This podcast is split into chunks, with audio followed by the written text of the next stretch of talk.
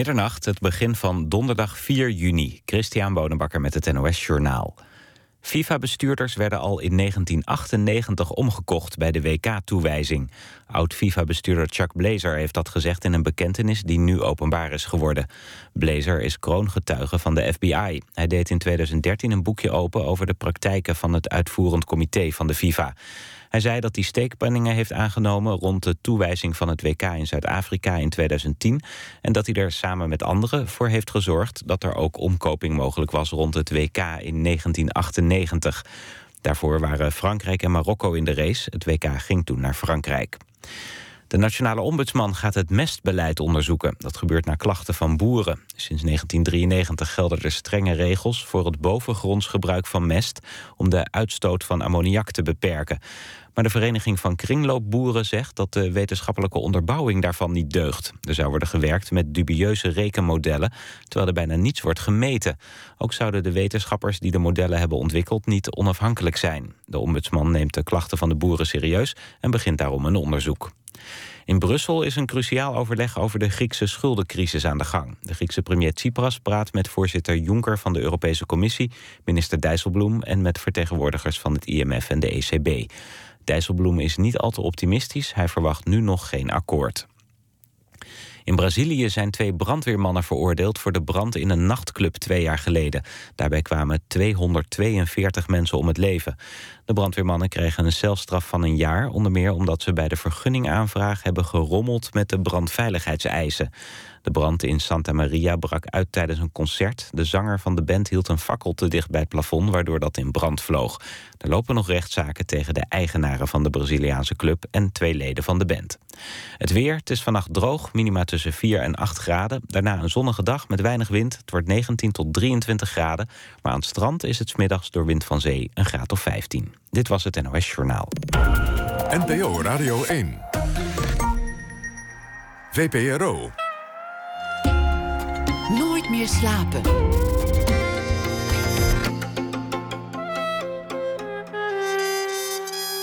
Met Pieter van der Wielen. Goedenacht en welkom bij Nooit meer slapen. Na ene een gesprek met actrice Loes Haverkort.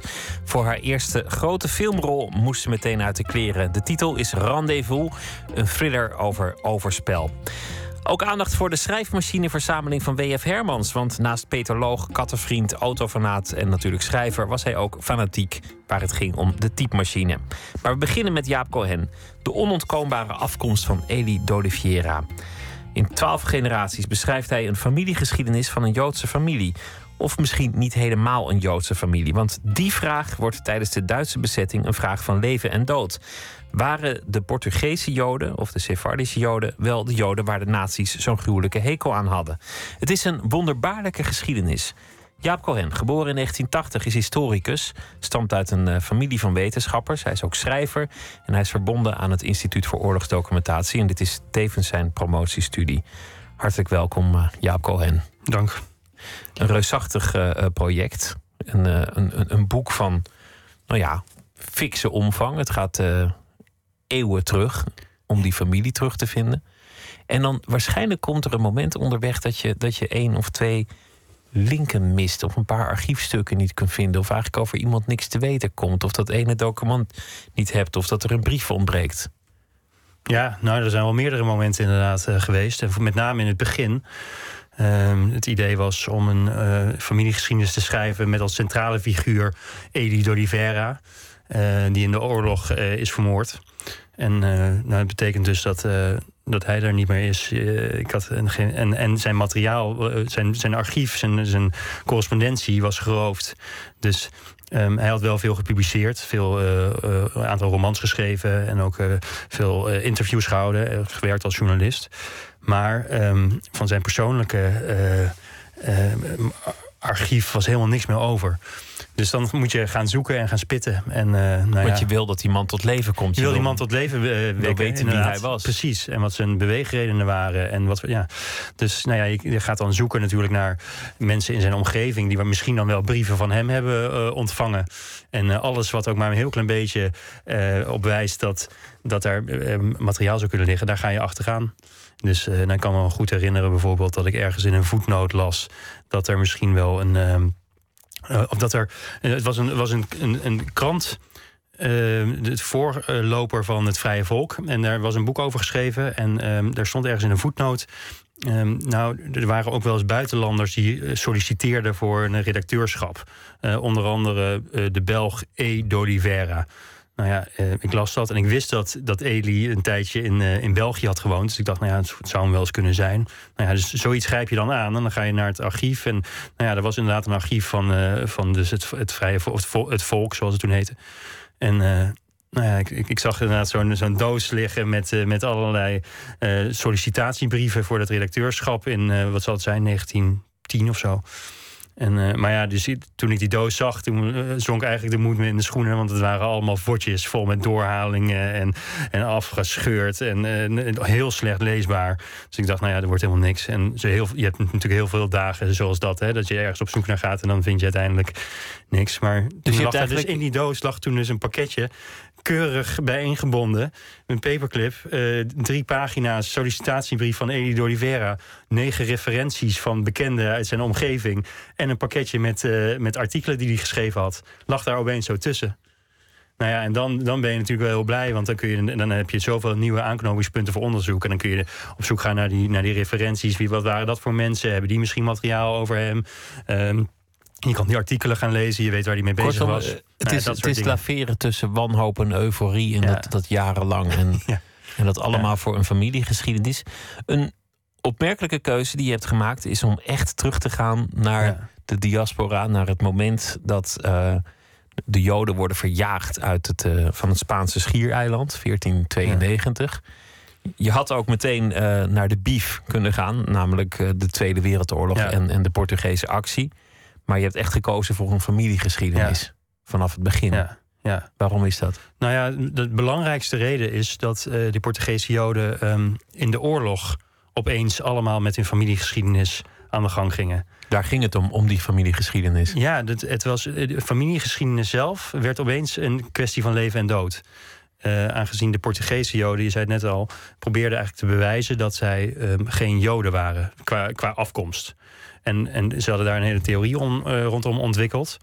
Um, en die ging als volgt. Uh, eeuwen terug op het Iberisch Schiereiland. Uh, 1492, toen waren de Joden die daar woonden, die werden verdreven. Ze hadden eigenlijk de keuze tussen ofwel de vluchten ofwel bekering tot het christendom.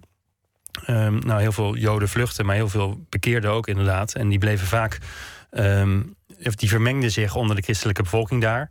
Uh, ook al bleven ze soms ook wel binnenskamers nog wel het Joodse geloof uh, aanhangen.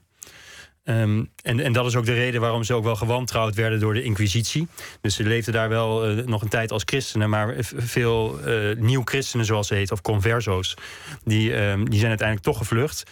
Um, eind 16e eeuw kwamen ze naar, de, naar, de, naar Nederland, naar, naar Amsterdam, opkomende handelsstad. En, en, en hier zijn ze dus echt weer terugbekeerd tot het Jodendom. En um, wat zeiden nou die, uh, die Portugese Joden in de, in de oorlog? Die zeiden, nou ja, omdat wij dus eeuwen terug op het Iberisch Schiereiland uh, onder de christenen hebben geleefd en ons hebben vermengd met de, christenen, zijn we op het moment dat we naar Amsterdam kwamen, waren wij eigenlijk qua. Uh, hadden we nog maar een heel klein percentage Joods bloed.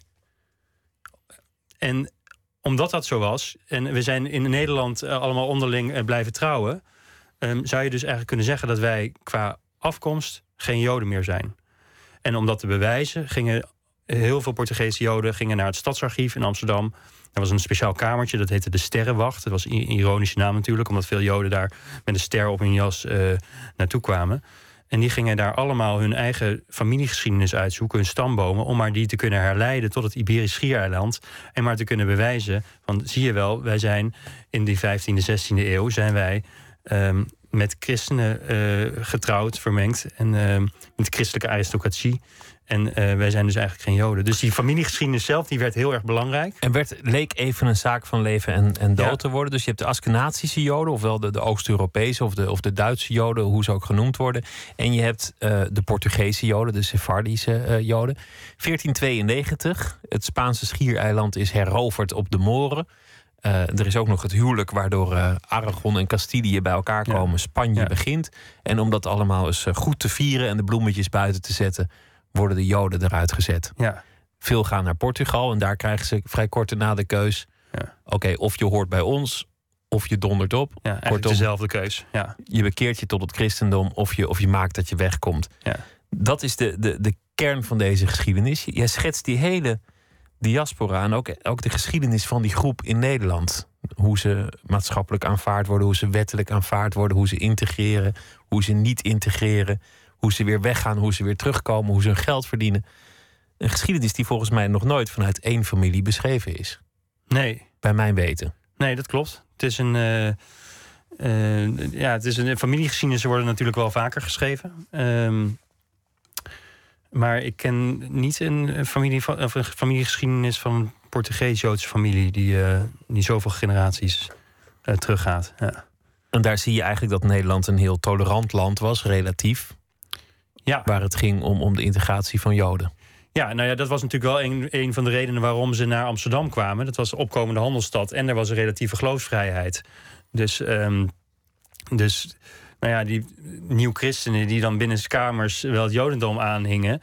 Die, die, die hoorden daarvan, van Amsterdam. En nou ja, als ze dan. Er waren natuurlijk wel enige restricties. Je mocht je niet, ehm, je mocht niet met christenen, eh, christelijke partners eh, mocht je niet hebben. En je mocht ook niet eh, christenen proberen te bekeren. En je mocht ook niet de staatsgodsdienst, mocht je, mocht je ook niet belachelijk maken. Maar als je je daaraan hield, dan kon je je ehm, goed vrij bewegen. Kon je ook je eigen geloof beleiden. Ehm, er werden synagoges gebouwd. Belangrijk natuurlijk in 1675 de grote Portugese synagoge, die nog steeds bestaat.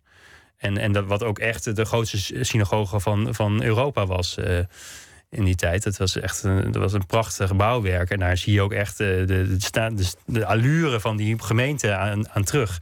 Dat werd echt, eh, Amsterdam werd echt het centrum van de Sephardische diaspora. Ja.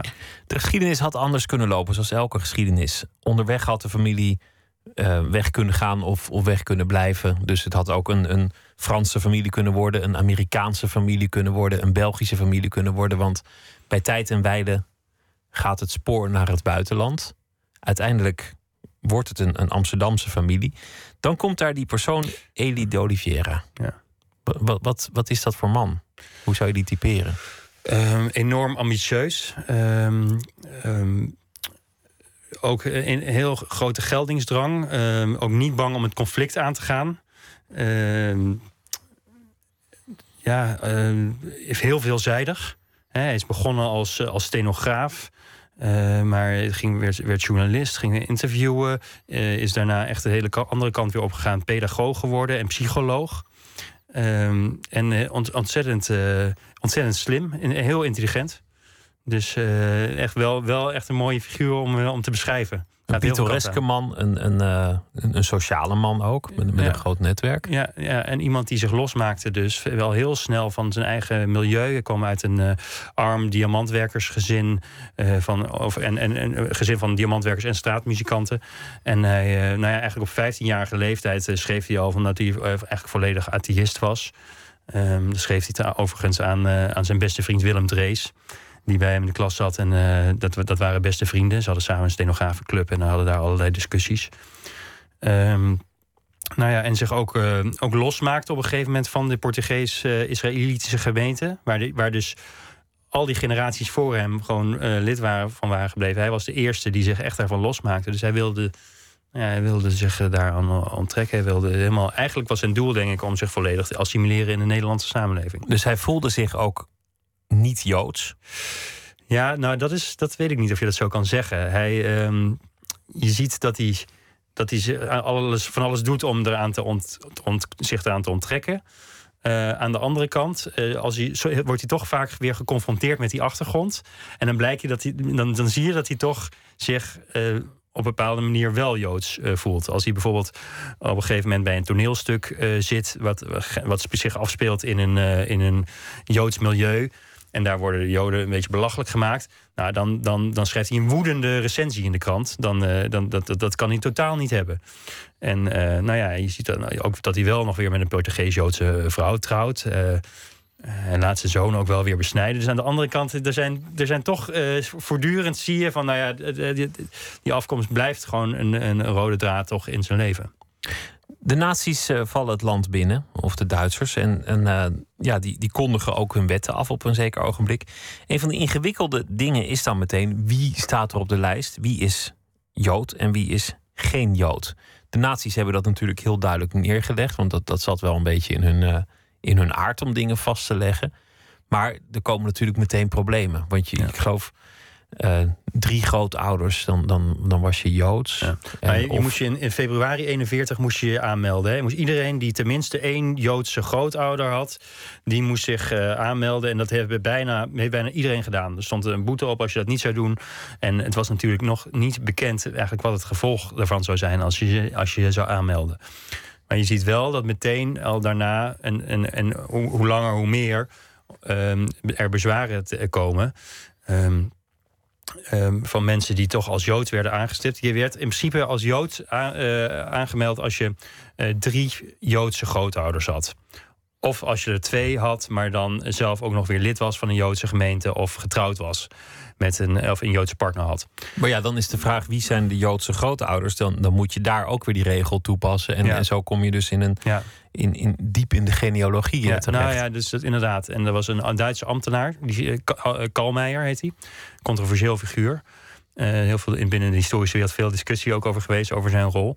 Want hij, hij was eigenlijk degene die ging over, zoals dat toen heette, dan twijfelgevallen op afstammingsgebied. En hij moest eigenlijk um, beoordelen of iemand die dan bezwaar maakte tegen de Joodse status, of die dan inderdaad uh, of die Joods was, of toch een A van Ariër in zijn, uh, in zijn persoonsbewijs moest krijgen. Eén letter of, of je naam op een lijst, dat werd uiteindelijk het verschil tussen, tussen leven en dood. Voor de mensen die dachten, nou ik meld me gewoon niet aan. Ik bedoel, misschien word ik verlinkt of misschien komen ze erachter. Hoe is het daarmee afgelopen? Was dat achteraf niet veel verstandiger keuze? Achteraf heel, heel verstandige keuze, want je kwam niet op een lijst terecht. Dan kwamen ze er gewoon nooit achter. Nee, dat is, er zijn dus maar heel weinig mensen die dat gedaan hebben. Ik zou nog wel, het zou nog wel interessant zijn om daar nog eens onderzoek naar te doen. Want nou ja, er, werd, er wordt wel eens gezegd dat het maar 50 mensen zijn geweest. Ik denk dat het er wel wat meer zijn geweest. Onder andere één persoon ook in mijn boek trouwens, die dat, uh, die dat niet gedaan heeft. Um, en dat, dat was een Duitse. En die is getrouwd met de zoon van Edith Oliveira. En uh, nou, die had natuurlijk ook al wel, wel, door van welke kant het opging. En die heeft volgens mij gewoon gedacht van ik, ik doe daar niet aan mee, ik meld me niet aan. En die, dat, dat heeft haar leven gered. En dat van haar man. Ja. Of gewoon je post niet openmaken. Dus, dus misschien ook, uh, ook handig. Het is, het, het is een geschiedenis van, van een bureaucratische strijd. Het is gewoon hoe een bureaucratie werkt. Hoe een bureaucratie volgens mij in essentie nog steeds werkt. Gewoon hoe bureaucratische guerrilla eraan toe gaat. Alleen het wrange is natuurlijk dat het hier gaat over de rit naar de gaskamer of niet. Ja, ja. Dan komt er die geschiedenis van, van de Portugese Joden bij. En de gedachte van nou ja, die zijn in der tijd bekeerd tot het christendom. Die hebben zich geassimileerd. Kortom, dat zijn geen echte Joden. Dat lijkt aanvankelijk succes te hebben. Ja, ja. Aanvankelijk lijkt die, die, uh, die, die man die namens de Duitsers dat moet uitzoeken, daar wel ontvankelijk ja, voor. Er zijn, er zijn meteen na uh, februari 42 komen er een, een, paar bezwaarschriften binnen, inderdaad, van uh, personen, twee, twee personen die zeggen van, nou ja, wij zijn uh, inderdaad van Portugees-Joodse af, af, Portugese afstamming. Het ging om de familie Texera de Matos en Mendes de Leon. Nou, bekende Portugese families. En maar deze mensen die waren uh, bekeerd tot het christendom. Dus die zeiden, nou ja, qua religie zijn wij niet Joods. Maar in die brieven, in hun bezwaarschrift aan Kalmeijer... ontvouwden zij dus deze theorie... dat zij ook qua afkomst niet Joods zouden zijn... omdat zij dus inderdaad op het Iberisch Schiereiland... eeuwen terug zich zouden hebben vermengd met christenen. En Kalmeijer, dus de Duitser die daarover ging... die las die brief en die zaten goed in elkaar. Uh, er was ook nog een historisch overzichtje bijgevoegd... En uh, nou, die, die, die vond dat wel aannemelijk.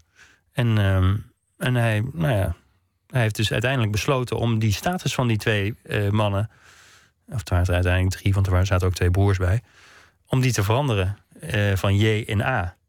Nou, dus die, dat was dus inderdaad, uiteindelijk zou je kunnen zeggen, was dat levensreddend.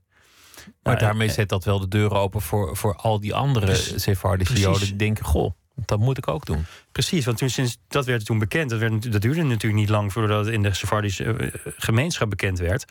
En aangezien natuurlijk die Duitse rassenleer ook gebaseerd is echt op afkomst hè, en niet op religie, dachten zij van, nou ja, ook al hebben wij dan wel, gaan wij wel nog naar de synagoge. Wij hebben eigenlijk in feite dezelfde af, uh, afkomst als die, uh, als die twee families die al bezwaar hebben gemaakt. Ze probeerden te denken als een natie. Een natie streeft naar uh, raciale zuiverheid. Het Arische res, ras moet, moet overheersen en, en het uh, verdorven Joodse ras moet vernietigd worden. Kortom, zij proberen aan te tonen dat, dat die raciale onzuiverheid niet voor hen geldt. Ja, dus eigenlijk uh, precies. Eigenlijk is het een beetje de, de vijand met de eigen wapens proberen te verslaan. En met zijn eigen leer overtuigen. Ja, ja en nou ja, en kijk, de, de, de rassenkunde van die tijd, hè, die, die toen heel bekend dat was een hele populaire tak van, van wetenschap. Dat, dat was natuurlijk een van de belangrijke wetenschapsdisciplines. Kijk, de rassenleer van de Duitsers die brachten een, echt een hiërarchie aan tussen verschillende rassen. Maar wat de Portugezen zeiden, die zeiden: nou ja, wij zijn dus oorspronkelijk uit, afkomstig uit Iberisch Schiereiland. En daar zijn we vermengd met de mediterrane bevolking. Dus wij zijn voornamelijk bestaan we uit het mediterrane ras. Zijn we afkomstig van het mediterrane ras. En aangezien we dus in Nederland um, voornamelijk onderling getrouwd zijn, is er dus niet, zijn er dus geen andere ja, rassen, zoals ze dat toen noemen, bijgekomen. Geen, is het jo Joodse ras is er eigenlijk niet mee vermengd. En um, dat was eigenlijk die hele. Dat was de kern, de grondslag van, van die theorie. En dat zijn ze voor daarna hebben ze een aantal wetenschappers erbij gehaald om die theorie te proberen te bewijzen. Ze, ze lieten foto's maken waarop duidelijk te zien was dat ze, dat ze niet een Joodse uiterlijk hadden. Precies. Of, of wat, een, ja. wat de nazi's als Joods uiterlijk zouden bestempelen. Ze lieten uh, theorieën uiteenzetten door hun welgevallige wetenschappers, ja. schedelmetingen bijvoeren. Uh, ja. Kortom, alle wetten van de eugenetica. Nou, het was echt, het is een enorm, dat, dat wist ik dus ook niet van tevoren, maar het was dus echt een enorm grootschalige actie. Waar heel veel uh, mensen bij betrokken zijn geweest. En wetenschappers van naam en faam. En een van de bekendste nu is, is, is uh, Arie de Vroeg geweest. En dat was een fysisch antropoloog. Iemand die dus echt uh, voor zijn werk uh, dus verschillende bevolkingsgroepen opmat. Ja, dus de, inderdaad de schedels ging meten en kijken wat zijn de verschillen. Hij ging bijvoorbeeld het verschil meten tussen Edammers en Volendammers. Dat was wat hij deed. en hij zag dus hier een, een, een, mogelijkheid om die Portugezen te, te, te helpen. En uh, wat hij gedaan heeft, hij heeft 375 Portugese Joden heeft hij, heeft hij onderzocht. Heeft hij op 32 verschillende variabele lichaamseigenschappen. Die heeft hij opgemeten afstand tussen de ogen en de oren, de omvang van de schedel, de, de, de neushoogte, diepte, breedte, um, noem maar op. Dat heeft hij allemaal verwerkt in tabellen, grafieken. En, en vergeleken met literatuur die er bestond over Ashkenazische Joden en, en niet-Joden. En uiteindelijk, de, dat heeft hij, allemaal, heeft hij een heel groot rapport over geschreven. Heeft hij in heel korte tijd gedaan. Dus hij heeft enorm, hij moet, moet dachten, nachten hebben doorgewerkt volgens mij. Om dat, dat uh, voor elkaar te krijgen. En uiteindelijk zijn conclusie was: uh, Portugese, de zogenaamde Portugese Joden uh, uh, bestaan of horen tot het mediterrane ras en, niet, en niet tot het Semitische ras. Dan Elido Oliveira, want hij werkt ook hard aan zijn familiegeschiedenis, waarbij hij eigenlijk vooral zijn best doet om die zo Portugees mogelijk te krijgen ja. en om, om alle links met christenen te vinden, met aristocratie. Precies, en aristocratie en, was ook belangrijk. En om, om de Oost-Europese takken in de familie uh, een beetje te verdonkeren manen. Ja, ja. Dan gaat hij nog een stap verder. Wat, wat ik een, een interessante stap vond. Namelijk, hij gaat zichzelf ook eigenschappen toekennen. Ja. die het tegendeel zijn van, van het, het prototype van, van de, de Joodse.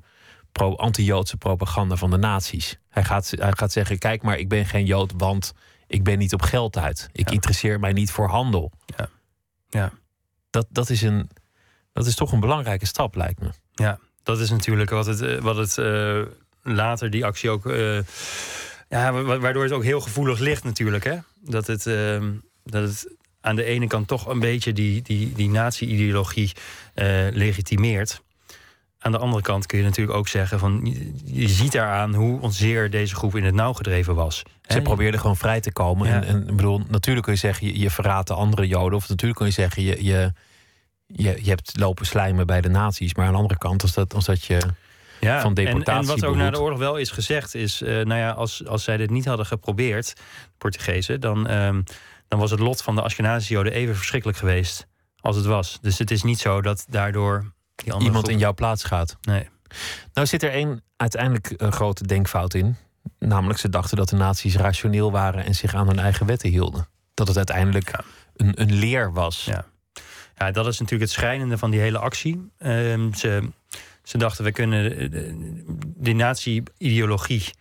Die is, die is op ratio gebaseerd. Dat is een, dat is een, een, een rassenleer. En eh, nou ja, als je die toepast, als je die strikt toepast, dan zou je kunnen volhouden dat wij niet tot het Joodse ras behoren.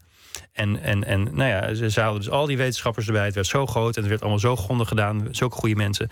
Dat zij nou ja, echt gingen geloven dat dit de beste way out was. Hè? Dus, eh, ehm, en en het, het, schijnende is dat dus ook veel Portugezen niet zijn ondergedoken. Terwijl ze daar misschien wel langer de tijd voor hadden. Omdat de Duitsers in eerste instantie wel ontvankelijk waren. En, eh, maar dat hebben ze dus uiteindelijk. we zijn, hebben de meeste van hen hebben dat niet gedaan. En uiteindelijk ehm, zijn ze dus toch gewoon als Joden bestempeld. En dat, eh, eigenlijk was de, de, de ideologie van de naties natuurlijk op irrationaliteit gebaseerd. Ja. En het was een bureaucratie, dus niemand durfde de beslissing te nemen. Dus die vraagt het aan zijn hogere en, en zijn superieur die vraagt het aan Duitsland. En, en zo gaan ze hoger op. Ja. En uiteindelijk geldt dan de logica: ik heb een trein en die trein moet vol. En ik heb een gaskamer en daar moeten mensen in. En dus kan ik het me niet permitteren om nu mensen een ontheffing te gaan geven. Dus, dus hou op met je gezeur. Nou, Kalmeijer was dus degene die er in eerste instantie over ging. Die heeft wel echt geprobeerd om iets voor hen eh, voor elkaar te krijgen. Maar zoals je zei, inderdaad, hij had superieuren. En eh, nou ja, hij heeft het aan, aan, aan Berlijn gevraagd. Aan een rassenkundig eh, instituut daar. Waar met allemaal wetenschappers heb je gevraagd. Van, ja, wat, wat vinden jullie nou van dit dossier? Die hebben er ook weer lang over gestudeerd. En die zeiden, nou ja, er zit op zich wel wat in. Maar aan de andere kant... eh, dat was eigenlijk het zwakke punt ook van de acties. Dat in de 19e eeuw is die Portugees-Joodse gemeente heel erg eh, verarmd. En eh, nou, is er ook toch. Was het helemaal niet meer zo eh, dat ze allemaal onderling getrouwd waren. Ze zijn toch ook echt in de buurt te komen te wonen samen met Ashkenazische Joden. En Het verschil was niet zo groot. het verschil was niet zo groot als, zij, als ze deden voorkomen. Is dat in het geval van, van Eli Oliveira, jouw uiteindelijke hoofdpersoon, is die er zelf in gaan geloven? Nou, ehm, wat, wat eigenlijk eh, onder deze hele actie ook nog weer speelde, is wat eh, ook wel in de literatuur de mythe van Sephardische superioriteit wordt genoemd. En dat is eigenlijk een, de gedachte dat eh, de Portugezen, Sephardische Joden, dat het eigenlijk een soort van ideaal type was. Dat dat. ehm, dat, dat, dat, dat een soort van adellijk. De, Joden van adel waren. Adellijke afkomst. En die er ook ander, anders uit zouden zi- zien dan Ashkenazische Joden. Veel mooier. En ook veel beter geïntegreerd zouden zijn in de westerse samenleving. En ehm, ook altijd, dus goed altijd omgingen met de, met, de, met de elites. En e- eigenlijk heel anders dan de arme, hè, zoals het ge- gebracht werd, arme Joden uit Oost-Europa en Duitsland. Nou, en dat is eigenlijk helemaal de, wat, wat de onderliggende, ehm, het onderliggende model is voor die hele actie. En ik heb wel, ehm, wel eh, stukken gevonden waarin ik kan zeggen van, nou ja, ook Elie d'Oliveira was op een zeker, tot op zekere hoogte ehm, ook wel bevangen door deze mythe. Hij, hij, hij, zag, hij zag zichzelf, hij was eigenlijk niet zozeer. Hij was, ja, hij was wel trots op die Sephardische afkomst. Op die afkomst uit dat Iberische schiereiland. Waar in de middeleeuwen waar de grote denkers eh, vandaan waren gekomen. En waar, hè, waar belangrijke geschriften waren geschreven. Dat, ehm, eh, da- daar had hij wel een zekere trots voor. En dat, en dat speelde met name ook in de bovenlaag van die, van die gemeente. En het is helemaal niet dat, dat al iedereen zich op alle, in alle opzichten beter voelde dan de ander. Maar er zat wel zeker een, soort, een trots op die afkomst. En je ziet ook nou ja, dat dat in de loop van de eeuwen is, is die mythe steeds blijven ontstaan. En steeds ook weer zijn er veel elementen eh, bijgekomen. En onder druk gaat dat, gaat dat natuurlijk meer leven. En onder druk komt dat helemaal aan de oppervlakte. En die is tijdens die actie Portugesia, zoals dat dan heet, is die helemaal eh, uitgewerkt. En al die elementen van die mythe zijn met behulp van die wetenschappers zijn die uitgewerkt. Zelfs al had je een vrijstelling bij de nazi's, dan, kon die ook gewoon even later weer worden opgeheven.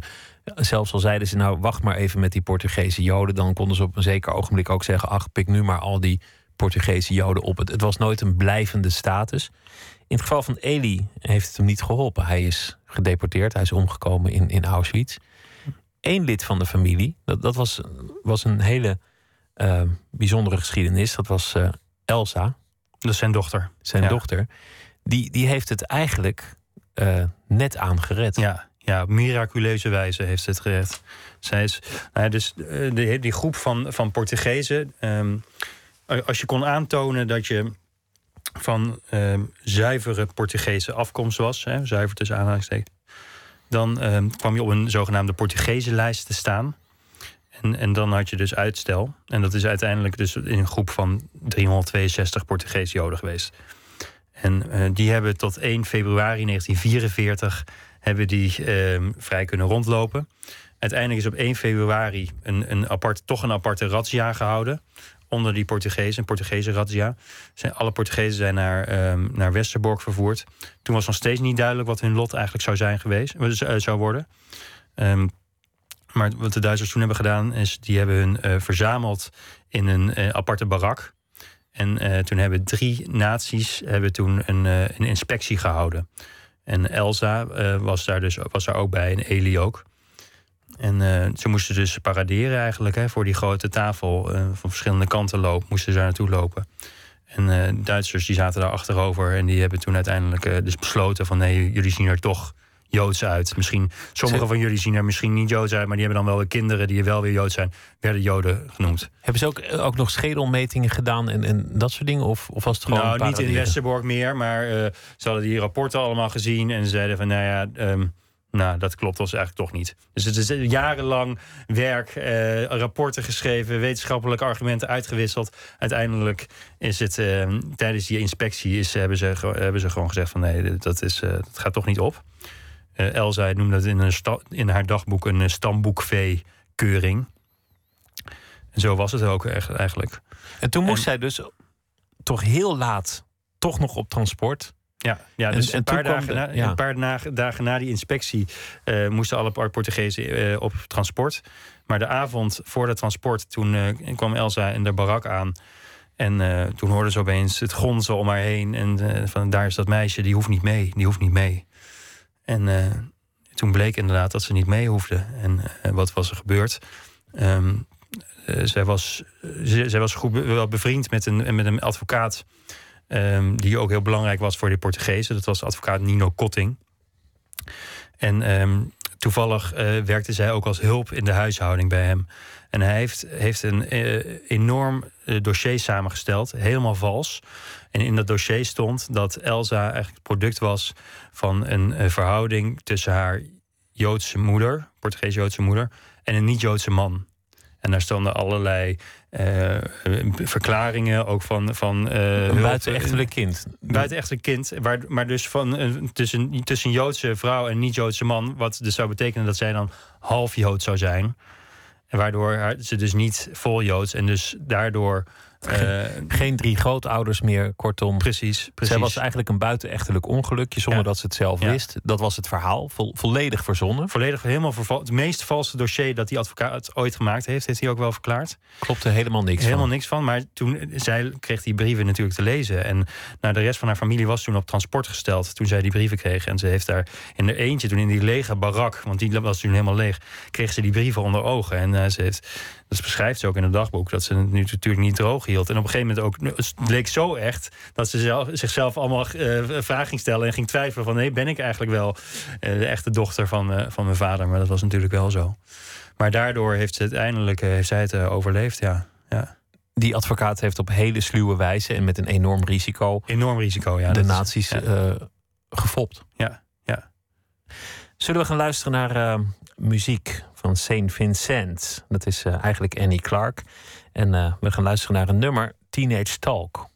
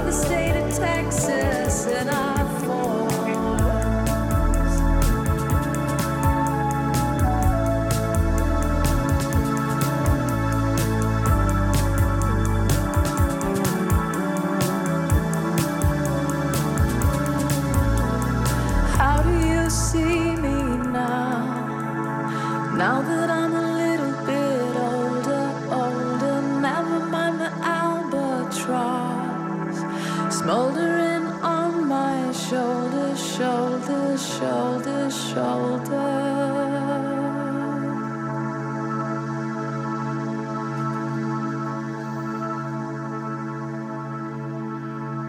Annie Clark, die eh, opereert onder de naam Saint Vincent en al vijf albums heeft gemaakt. Dit eh, nummer was speciaal geschreven voor een eh, HBO-tv-serie met de titel Girls. En het nummer heet Teenage Talk. Nooit meer slapen. eh, in gesprek met Jaap Cohen over eh, het boek De Onontkoombare Afkomst van Elie Oliveira. Een Portugees-Joodse familiegeschiedenis. Tevens eh, zijn promotiestudie. Hij werkt aan het, eh, aan het NIOT. Een eh, instituut, want jij stamt uit een familie van, eh, van vele wetenschappers. Jouw eh, oom is Floris Cohen. Die heeft eh, beroemde boeken inmiddels geschreven over wetenschapsgeschiedenis. Eh, jouw jouw vader eh, was ooit burgemeester van Amsterdam, maar eigenlijk daarvoor vooral toch wel wetenschapper. Dat is zijn eigenlijke carrière. En jouw opa, dat was eigenlijk de man aan de zijde van Lou de Jong. Ja, klopt. Over wie het altijd gaat als het gaat over de, de Tweede Wereldoorlog. Ja, ja. Je, be- je bent, als, we- als we het toch hebben over familiegeschiedenis en in de, in de voetsporen treden van, zelf ook toch wel in een bedding gevallen. Ja, nou ja, ehm, het is natuurlijk wel bijzonder om op hetzelfde instituut te werken. waar mijn opa dus inderdaad vanaf vrijwel begin 1945 ook 15 jaar gewerkt heeft. Dat, eh, dat, dat, dat, dat is wel bijzonder, ja. ja.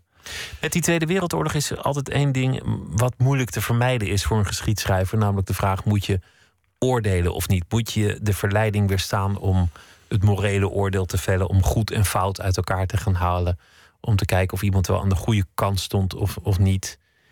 Lou de Jong is wel eens verweten dat hij zich te veel heeft bezig gehouden met, met goed en fout. Dat daar eigenlijk zijn hele geschiedenis aan ten onder is gegaan, bijna. Ja. Hoe stond jouw opa daarin? Ja, die had inderdaad een eh, andere voorkeur. Dat, dat, die vond dat je eigenlijk zo'n ges- geschiedenis van, van de oorlog, de, de, de geschiedenis, het hoofdwerk, zoals het toen genoemd werd, hè, het boek wat de Jong uiteindelijk heeft geschreven. Die, hij vond dat je dat op een andere manier zou moeten aanpakken. Veel meer vanuit eh, de distantie, een beetje wetenschap of eh, internationaal vergelijkend. Ehm, minder verhalend, meer analyserend. Dat was eigenlijk zijn. eh, dus dat zou zijn aanpak zijn geweest. En daar heeft hij voor gepleit. Dus Binnen- meer beschrijven, eh, hoe was het, hoe is het gegaan, welke bewijzen kan ik vinden. Eh, Meer analyserend, ja. ja. Meer dan als een procureur aanwijzen wie, wie stond er aan de goede kant. Ja, nou ja, ik denk ook wel dat het vaak een beetje wordt overdreven van hoe, hoe de Jong dat heeft gedaan. Hoor. Want als je die boeken uiteindelijk leest, dan vind ik het vaak nog eh, helemaal niet zo ontzettend eh, veroordelend. Maar had natuurlijk wel, hij werkte echt wel vanuit een moreel kader. En ehm, nou ja, hij, hij- de Jong vond dat, het, dat het, dat werk geschreven moest worden, zodat de mensen die het zelf hadden beleefd, dat die zich erin zouden herkennen. En ik denk dat mijn grootvader iets meer dacht vanuit de wetenschapper. En vond van, nou ja, er zijn een aantal interessante vragen die beantwoord moeten worden. Maar eh, niet zozeer vanuit dat morele kader. Kon hij dat zelf? Want de oorlog was nog veel korter geleden. Eh, de achternaam Cohen geeft al eh, aan dat, dat het ook een familie was die Ja. van, van, van Joodse origine was. Dus, Ja. dus dat het hem ook persoonlijk aanging, trof. Ja. Kon hij Nee, die distantie ja, ik, heb, bewaren? ik heb tijdens mijn, mijn studie nog heb ik, heb ik een, eh, dat die beginperiode van het, van het instituut onderzocht. En ik stond soms ook wel echt voorsteld van nou eh, dingen die ik tegenkwam. Ook artikelen die hij geschreven had. eh, waarbij je dacht van zo, dat zijn toch behoorlijke eh, zware naties. Waarin hij zo op een vrij neutrale manier over hen schrijft. En hij heeft bijvoorbeeld ook een keer echt een van de van de ehm, bestuurders, de, de nazi-bestuurders in Nederland. De tweede man achter Sijs Inkwart. Ehm, Wiemer, die heeft hij ook een, te, negen uur lang geïnterviewd op een gegeven moment. En dat, eh, eh, nou ja, dat, dat is natuurlijk ook nogal wat. Hè? Dus hij heeft zelf de hele oorlog ondergedoken gezeten. En dan vrij kort na de oorlog, eh, negen uur lang in dezelfde kamer met, met nou ja, iemand die toch verantwoordelijk is voor is geweest. Dat, dat toch je beide ouders er niet meer zijn. En eh, nou ja, toch samen met hem eigenlijk pro- geprobeerd die, die geschiedenis te achterhalen. En, en wat er nou precies gebeurd was in dat Duitse bezettingsbestuur. En volgens mij heeft hij hem ook op een gegeven moment nog een sig- sigaret aangeboden. En dat werd hem op het instituut zelf ook nog wel kwalijk genomen. Dat hij dat, hij, dat te veel naar hem in meeging. Maar hij was meer echt geïnteresseerd in die geschiedenis. Hij kon dat wel eh, toch eh, bijzonder goed scheiden. Zag je daar ook een ideaal in? Dat, dat hij goed kon doen door die geschiedenis zo neutraal mogelijk of, of zo gedistanceerd mogelijk te beschrijven? Ja, en ik denk, dat hij, ik denk dat hij echt ook geïnteresseerd was in de vraag van hoe dat nou allemaal heeft kunnen gebeuren. Wat dreef die mensen nou? Ja, ja, dat het echt een, eh, ja, wetenschappelijke vragen waren die hem bezig hielden. En hij was ook in, wel in de oorlog schijnbaar, ehm, heeft hij, had hij ondergedoken gezeten, was hij vooral boeken aan het lezen. En ook om dat te, te proberen, ja, om, om zich erin te verdiepen. En hij was ook wel bezig met die vraag van hoe, wat, hoe, hoe zat dat nou allemaal? Jouw promotor, eh, Hans Blom, is ook een tijd directeur geweest van het, eh, van het NIOD. Hij was eigenlijk de man die, die de steen in de vijver wierp. eh, ergens in de jaren tachtig zal het zijn geweest. In een artikel in de ban van goed en fout. Ja. En daar moeten we maar eens van af. Inmiddels hoor je ook wel mensen die zeggen: ja, het is doorgeschoten. Iedereen is slachtoffer. Ook de kampul was slachtoffer. Ook de, de nazi-officier was slachtoffer. Je kunt nou eenmaal niet moreel neutraal staan tegenover de moord op 6 miljoen mensen en, en, en zoveel andere trouwens nog eh, misdaden. Kortom, er zijn ook weer mensen die zeggen: ja, dat, dat neutrale, het, het schiet door. Af en toe mag je je Ja, dat best is meer het, het, het grijze verleden hè, waar je Ja. aan refereert. Bijvoorbeeld. Eh, ja, dat er, er is geen goed, er is geen fout. Maar ik denk dat juist Blom heeft. ehm, niet- wel als je zegt er is geen goed, er is geen fout, dan ben je nog steeds met dat morele kader bezig. En dan, hè, dus maar dan van de andere iedereen kant een beetje dader, iedereen een beetje slachtoffer. Maar ik denk dat Blom dus van dat kader juist af wilde en dus meer eh, wilde ja, begrijpen hoe dingen zijn gebeurd. En dan hoef je dus niet per se te oordelen van of iemand een slachtoffer of een dader is, of in, in hoever. En, eh, maar ehm, ja, meer met eh, meer, toch een meer analyserende manier daarmee bezig zijn. Dat is ook wat jij eh, probeert in dit boek, eh, volgens mij. Want het is een, een geschiedenis die heel gevoelig ligt. Ja. Eh, het wordt gezien als verraad, het wordt gezien als matennaaierij. Maar eigenlijk onthoud jij je heel keurig van, van, van dat soort kwesties. Jij probeert gewoon zo goed mogelijk te beschrijven wat er gebeurde, wat de bewijzen zijn en, en wat die mensen Ja, ik, ik probeer te begrijpen hoe kon het nou ook dat zij met die theorie kwamen. En dat daar. Hè, eh, want het was en dus inderdaad veel gro- grootschaliger dan ik had gedacht. En nou ja, waar komt dat nou vandaan?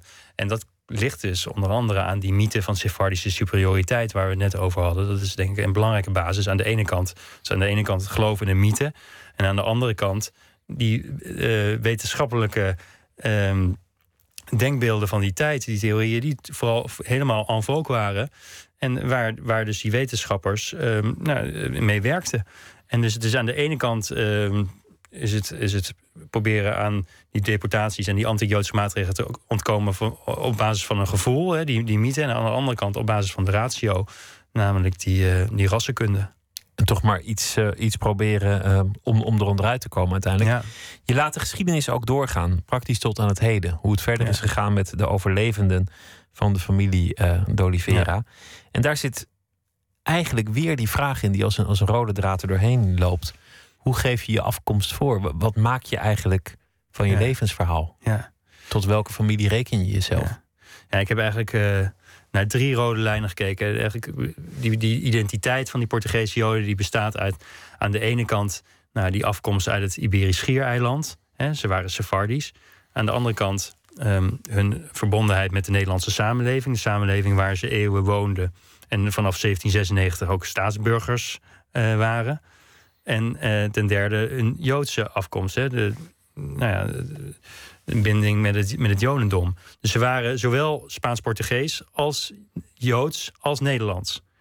En, en, en die drie identiteitscomponenten die lopen door die hele geschiedenis heen, maar in, steeds in verschillende verhoudingen. Ehm, Tot op het heden. tot op het heden. En ik was dus wel benieuwd ook wat dus die nakomelingen van Elie de Oliveira, hoe die, ja, hoe, wat, wat, voor, wat voor eh, band zij met hun afkomst hadden. Ze zijn nog eh, zeer actief. Uli de Oliveira bijvoorbeeld is een, een, een, een min of meer prominent figuur. Zo iemand die, Ja. die mensen zouden kunnen kennen. Kleurrijk iemand, wat ook Ook een kleurrijk iemand. Ja, want dat vond ik dus ook wel opvallend toen ik die familiegeschiedenis ging eh, onderzoeken. Dat zijn dus eh, in totaal twaalf generaties. En eigenlijk bijna, bijna in elke generatie komt dus wel een heel eh, kleurrijke, fascinerende eh, persoonlijkheid voor. En dat is natuurlijk als schrijver ontzettend prettig. Want kleurrijke mensen die laten veel meer na. Die laten veel meer bronnen na. Ehm, het, geen, het waren heel, absoluut geen grijze muizen. En ik weet niet, ja, dat is wel heel erg toevallig natuurlijk... als dat in elke generatie zo is. Ehm, maar dat, dat heeft... eh, en eh, daar is Uli de Oliveira inderdaad ook eh, zeker een voorbeeld van. Ja. Heeft het je anders doen denken over je eigen familiegeschiedenis, afkomst en stamboom? Het, het zo bezig zijn met, met, met dit verhaal?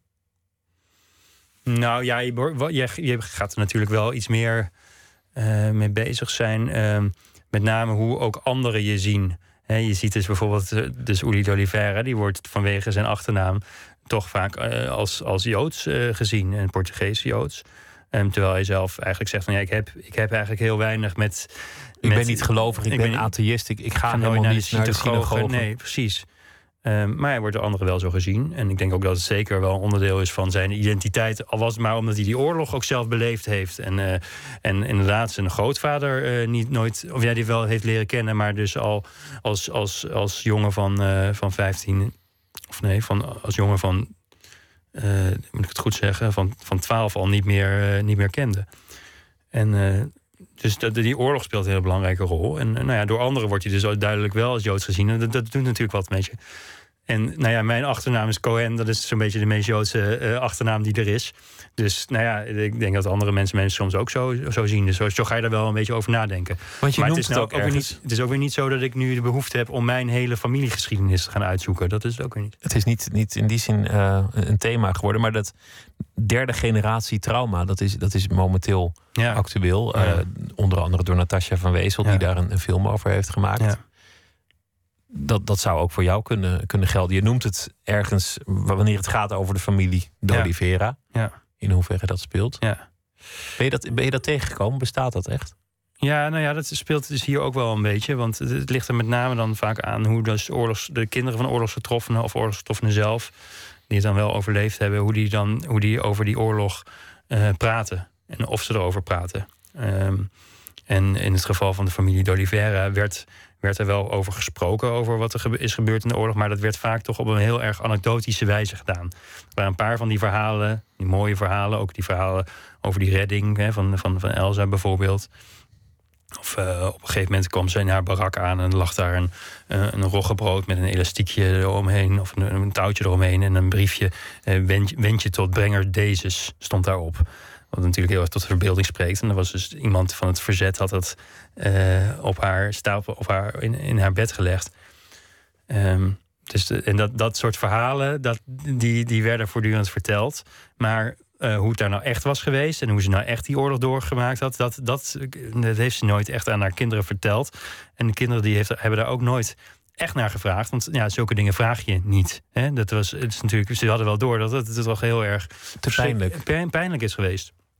Ja, en, en, eh, en, en, dat, en dat werkt dan natuurlijk, natuurlijk wel naar de tweede en derde generatie door, denk ik. Dat, dat, dat is wel belangrijk. En ik denk dat bij mijzelf, mijn, eh, mijn grootouders hebben het, eh, die zijn ondergedoken geweest. En die hebben daar later wel ontzettend veel over gepraat. En ik kan me wel herinneren dat ik bijvoorbeeld als kind ehm, wel eens bij ze langs ging. En daar hij heel veel over vroeg. En ik heb ze volgens mij ook wel eens eh, een interview gehouden. Dat ik met een cassettebandje het opnam. En eh, zij lieten ons ook spullen zien uit de oorlog. En die ster heb ik wel gezien. Dus zij vonden het heel belangrijk om het over te dragen. En ik denk dat dat wel dat dat niet heel vaak zo is geweest, maar dat was dan bij mijn familie wel. En ik denk dat dat, dat ook wel meespeelt in hoe je er zelf tegenover staat. Want uiteindelijk was het niet gericht op het vermoorden van de individuen die vermoord zijn, maar het was gericht ook op het voorkomen van het nageslacht van Ja, de mensen die ja. vermoord werden. Ja. Ze begonnen ook ooit met, met steriliseren en, en, en castreren, maar dat, dat, was veel te. Ja. dat was veel te veel werk. Dus, dus uiteindelijk is iedereen vermoord, ook juist om die latere generaties te treffen. Ja. Dat, dat is waarschijnlijk waar dat trauma in zit. Oorspronkelijk was het een, een geschiedenis in opdracht. Ja. Zo, zo is het project Klopt. begonnen. Ja. De familie de Oliveira die benaderde jou en zei: We willen eigenlijk die familiegeschiedenis wel een keer. Ja, nou ja, ze hadden ehm, rond 2000 kon je aanvragen doen voor maroorgelden. Dat waren ehm, een soort van eh, bedragen die eh, als schadevergoeding werden, werden, kon je die aanvragen. Als je dus oorlogsgetroffene was, of, of kind van oorlogsgetroffenen. En, ehm, en de familie de Oliveira en Pereira, die hebben besloten om. eh, dachten van nou, dat gaan we aanvragen. Eh, want we willen, en daar willen we iets goeds mee doen. Daar willen we een soort van monumentje eigenlijk voor, op, voor onze o- omgekomen eh, grootouders eh, voor laten oprichten. In de vorm van een boekje. En eh, die, ze, zijn, ze zijn toen een project gestart en hebben eh, auteurs erbij gehaald. En op een gegeven moment kwam ik dus inderdaad met hen in contact. En, ehm, en eh, nou ja, moest er natuurlijk wel eens over nadenken of ik dat wilde schrijven. En geschiedschrijving in opdracht is natuurlijk ook weer een heel apart. eh, Het gebeurt heel veel, maar het is natuurlijk Ja. toch moeilijk omdat je een, een geschiedenis gaat beschrijven waarin, nou ja, er zitten helden, maar ook helemaal geen helden in een familie. En er zitten mensen die goed doen en kwaad doen, of die Ja. onaardig zijn, of, Ja. of wat dan ook. Ja, en vaak is het dan zo dat eh, familieleden het liefste die zwarte schaap uit de familie niet zo eh, op de voorgrond willen hebben. Terwijl dat vaak ook wel weer interessante figuren zijn natuurlijk om te, om te beschrijven. En eh, je hebt heel vaak ook met biografieën dat eruit dat iedereen, dat het, zowel de gebiografeerde als de biograaf, dat die dan vrolijk en enthousiast eraan beginnen aan het project. Maar als het boek er uiteindelijk is, dat er dan slaande ruzie is. Ehm, omdat eh, het toch niet echt is geworden wat de gebiografeerde ervan heeft verwacht. Dus het, is- wel, je moet er wel even over nadenken natuurlijk voordat je aan zo'n project begint. Ik heb ook wel gezegd, als ik het zou doen, dan wil ik ook wel ehm, ja, onafhankelijk zijn. En, ehm, Nou nou ja, kun je, daar kun je afspraken over maken natuurlijk. Ja. gewoon, of zor- des, desnoods zorgen dat ze van tevoren betalen. Dan, eh, Ja. dat, is- dat is het meest rigide middel. Uiteindelijk werd het ook een promotie. ja, Dat is natuurlijk ook een, eh, een mooie manier om die onafhankelijkheid te bewaken. Want dan is er iemand die, die met jou meekijkt of het, of het goed is. Ja, ja ik had er nu dus inderdaad een, een proefhoofdstukje had ik geschreven. En, ehm, en Hans Blom die zat in de meeleescommissie. En die zei van nou ja, als je het inderdaad zo gaat aanpakken, dan kunnen we ook probeer, proberen om er een, eh, een promotietraject van te maken. En dan heb je eigenlijk veel meer tijd om er echt wat van te maken. En dat is gelukt. En eh, ja, dan ben je sowieso natuurlijk helemaal eh, onafhankelijk. Ja, want dan moet het voor de wetenschap, door de zitten- academie goedgekeurd worden. Er komen heel veel dingen langs, soms terloops, soms minder terloops. Waarvan, waarvan ik dacht, goh, daar zou je een heel boek van kunnen maken. Ja, Personen die eigenlijk een hele eigen biografie zouden kunnen krijgen. Of bepaalde geschiedenissen. Of het nou gaat over, over Portugal, over de diaspora, over, over de komst van Joden in Amsterdam, over hun leven, over, over wetten in de Republiek ten aanzien van, van Joden. Allemaal dingen die volgens mij nog een aparte studie zouden verdienen. ja. Ja. Ja, er is natuurlijk over die Portugese Joden in de, in de vroegmoderne tijd. Dus in de 17e en 18e eeuw. Daar is wel heel veel over geschreven. Dat was een enorm interessante gemeenschap. Eh, heel snel gegroeid. En uh, dus echt het centrum van de diaspora. En ook, nou, dat waren allemaal mensen die natuurlijk ehm, opnieuw hun, dat jodendom eigenlijk moesten uitvinden. Hè? Want ze hadden... eh, Ze waren openlijk, mochten ze al heel lang geen Jood zijn. Nee, nee, dus ze kenden die regels allemaal niet precies in, in, in Spanje en Portugal. Dus toen kwamen ze hier, moesten ze dat allemaal uitvinden. Haalden rabbijnen van buiten. Nou ja, en eh, aan de andere kant voelden ze zich ook weer... Ja, we hadden ze toch lang ook in het katholieke Spanje en Port- eh, Portugal geleefd. Dus het is heel interessant om te zien van hoe die, nou ja, hoe die gemeenschap is ontstaan. En, en hoe hoe die zich ontwikkeld heeft. En nou, over die periode, daar is natuurlijk wel veel onderzoek naar gedaan. Eh, er is veel wetenschappelijk onderzoek. Ehm, maar ja, die periode daarna eigenlijk veel minder. Bijvoorbeeld over de entertainmentindustrie in Amsterdam rond het NES in, eh, Ja, 19e eeuw is in de dan. 19e Ja, eeuw. ja. Of eh, eh, rond impresario's die dan eh, orkesten eh, in de markt proberen te zetten in de 19e Ja. eeuw. Hele, hele kleine onderwerpen, maar eigenlijk heel fascinerend. Ja. ja, en die dus allemaal ook laten zien van hoe dus die integratie van die groepen is verlopen in de Nederlandse samenleving. Bijvoorbeeld inderdaad bij die, in die amusementsbranche. Dat was bij uitstek een, een, een sector waarin Joden en niet-Joden ook samenkwamen. En eh, samen eh, op toneel stonden. Of, eh, een van die de Oliveira's was een, was een bekende dansmeester. Dus die, die, die dirigeerde gemaskerde bals. Ook voor, waarin Joden en niet-Joden dus allemaal naartoe gingen. Ehm, dus dat is, dat, en, ja, dat, eh, dat is wel interessant om te zien hoe die ontwikkeling eh, verloopt. Een geschiedenis van, van gestage integratie die heel bruut werd eh, beëindigd door, door de inval van Ja, de, van de Eigenlijk op het moment dat ze het meest geïntegreerd waren in de, in de samenleving, in- binnen van al die generaties, nou ja, die, eh, die gaat aan het onder. kwamen de nazi's. Dankjewel, Jaap Cohen. De onontkoombare afkomst van Eli de Oliveira is het eh, boek Een Portugees-Joodse familiegeschiedenis. Dankjewel en eh, veel succes met eh, wat je verder nog eh, gaat doen. Dankjewel. We gaan luisteren naar eh, Giant Sand uit Tuscan, Arizona. Een band eh, die al heel lang meedraait en het nummer heet Done. When this day is done, when this day is done.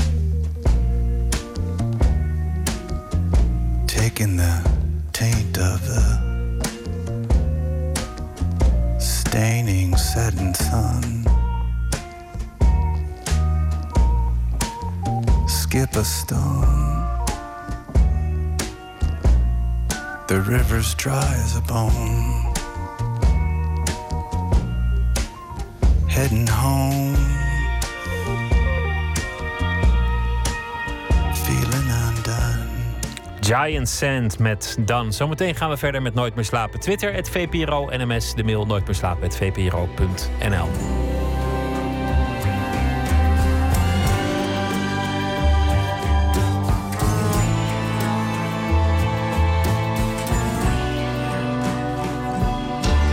Op Radio 1. Het nieuws van alle kanten.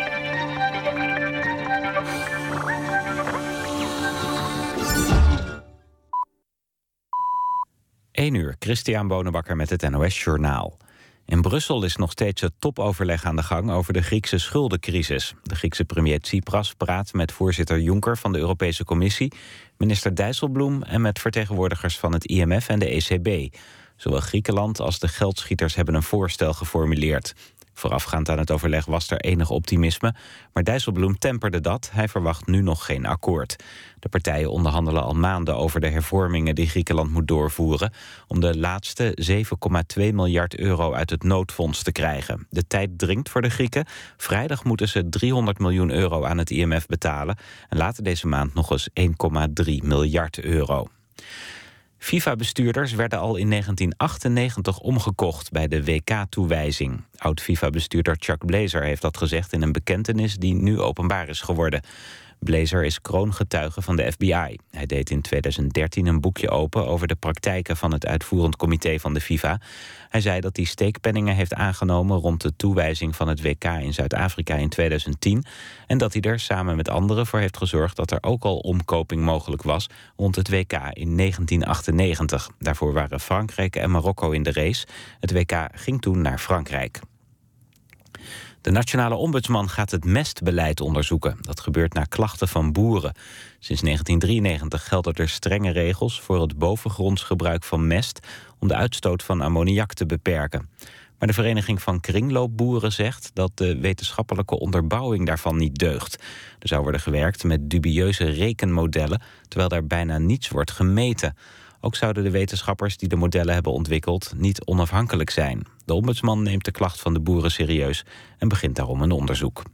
Het weer, het is vannacht droog, minima tussen 4 en 8 graden. Daarna een zonnige dag met weinig wind. Het wordt 19 tot 23 graden, maar aan het strand is het smiddags door wind van zee een graad of 15. Dit was het NOS Journaal. NPO Radio 1.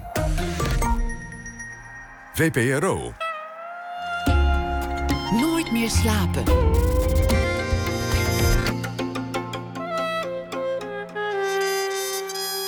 Met Pieter van der Wielen.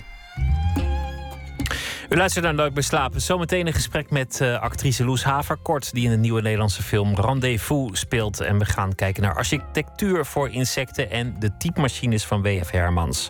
Allereerst KW Modiri, een in Iran geboren filmmaker...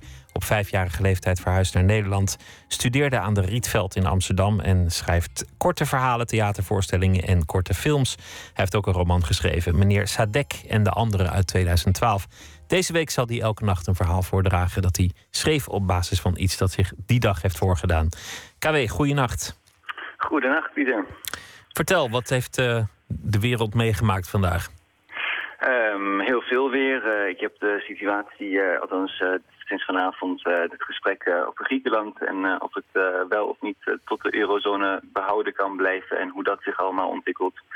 En ik heb er ook de hele dag over nagedacht om te zien of ik met een oplossing kan komen. Helaas nog niet gelukt, maar wie weet komt dat nog. maar het belangrijkste nieuws van de dag, of althans wat mij betreft... er komt geen tentoonstelling van Mohammed-cartoons in de Tweede Kamer.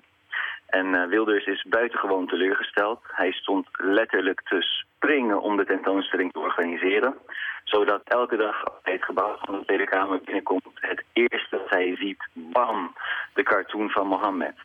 Kennelijk kan de dag voor Geert Wilders niet beter beginnen. Maar, maar wat was het, uh, ja, wat zei het bestuur? Want, want het is natuurlijk, ze willen natuurlijk niet als een, als een lafaartenboek staan en zeggen: Nou, uh, Geert, dat doen we niet, want we hebben geen zin in glazer. Dus dan moet je met een heel erudiet ander argument komen. Waar zijn ze mee gekomen? Precies, ja. nou ze hebben gezegd dat het in principe niet de bedoeling is om met controversiële kunst uh, tentoonstellingen te organiseren uh, in de Tweede Kamer. Daar, is, uh, daar dient de Tweede Kamer niet voor. dus is ook wel weer waar. Het is natuurlijk niet een galerie of zo. Het is niet een, een, een, een tentoonstellingsruimte in eerste instantie. Precies, ja. ja nee, dat, dat, dus ik kan het in dat opzicht ook helemaal eh, begrijpen. Maar ze hebben wel eens andere dingen tentoongesteld. Bedoel, er hangt van alles. Klopt, ja. Alleen kennelijk eh, geen controversiële eh, kunst, als je het zo mag noemen. Maar eh, ja. Ja, precies. Ehm, maar goed, er is nu een nieuw plan eh, om die cartoons eh, op de televisie eh, te tonen tijdens de zendtijd voor politieke partijen. En het verbaast mij dat er op dit moment ja, niemand is in Nederland die zich zo hard inzet voor de zichtbaarheid van de profeet Mohammed als Geert Wilders. En ik vraag me af waarom dat toch is. Het is prima als hij een prent van de profeet boven zijn bed wil hangen, maar hij hoeft toch niet heel Nederland daarmee lastig te vallen. En ehm, ik kan me persoonlijk maar één reden bedenken waarom ik nog een eh, prent van Mohammed zou willen zien. En eh, dat is als Wilders hem zelf tekent. En niet een eenvoudige eh, kopie van Westergaard of Charlie Hebdo. Nee, een werk waarin hij de uiterste grenzen van zijn eigen fantasie opzoekt. Hij heeft het in zich om een kunstenaar te zijn, dat voel ik. Hij heeft in ieder geval voldoende obsessieve belangstelling voor een onderwerp. En eh, daar kom je al een heel eind mee. En als hij nou eens echt iets eh, deed met zijn talent... in plaats van alleen maar pesten en etteren... eh, in dat geval en alleen in dat geval zal ik uitkijken naar de uitzending... waarin hij zijn tekeningen aan ons allemaal kan laten zien. Nou ja, hij heeft een Ehm, keer een film gemaakt. Precies. Dus hij- ja, dus hij- ja, ja, ja, ja, maar dat, dat, hoop, daar hoop ik nou niet op. Ik hoop dat hij er iets meer eh, van zijn duistere en eh, ja, fantasie in, in, in kwijt kan. En niet alleen maar een, eh, ja, een pamflet wat heel oppervlakkig is, maar dat hij echt zijn ziel en zaligheid er eens inlegt. Ja, je hebt een verhaal geschreven. Ik ben benieuwd. Ik heb een verhaal geschreven en dat komt omdat dat ik moest denken aan een jongen die ik kende op de middelbare school. Erik heette hij. En over hem gaat de korte scène die ik nu ga voorlezen. Ga je gang. Moet ik bij jou wezen voor een fiets? vroeg Erik me een keer na school. Hij droeg een gouden oorbel en had slotjes op zijn tanden. Je hebt toch al een fiets? vroeg ik wantrouwend. Die is gestolen, antwoordde hij. En ik ga niet weer de volle pond betalen als die toch weer wordt gestolen. Begrijp je wat ik zeg? Als je altijd in de rij blijft staan, kom je nooit aan de beurt. Dat is het probleem van ons Hollanders. Terwijl wij allemaal netjes in de rij staan te wachten, gaan de Turken er op onze fietsen vandoor. Er was iets met hem en de Turken. Toen we voor Nederlands een keer de opdracht kregen een gedicht te schrijven, schreef hij het volgende gedicht, dat hij van een papiertje oplas tijdens de les. De Turken komen eraan. De Turken komen eraan. De Turken komen eraan. Ik wil maar zeggen, de Turken komen eraan. Hij kreeg een dikke onvoldoende en schreef van zijn leven geen gedicht meer. Toch was zijn voordracht het enige dat me was bijgebleven van die dag. Hij had dichter moeten worden in plaats van activist. Inderdaad, het is een. eh dan ben je er nog niet, hè? Als je, als je echt een tekst wil schrijven met eh, de Turken komen eraan. Voor, voor Nee. moderne poëzie zou het wat kunnen zijn, maar eh, nee, echt als, als tekst is het, is het nog niet helemaal. KW, dankjewel. Ik wens je een goede nacht en morgen weer een verhaal. Ik ben benieuwd wat je dan uitpikt in de grote wereld. Hetzelfde, tot morgen. Dankjewel. Before We Forgot How to Dream heet het eerste album van de Ierse zangeres Soak, 18 jaar oud. En eh, ze maakt eh, kwetsbare, mooie liedjes. Eén daarvan, 24 Widowed Houses.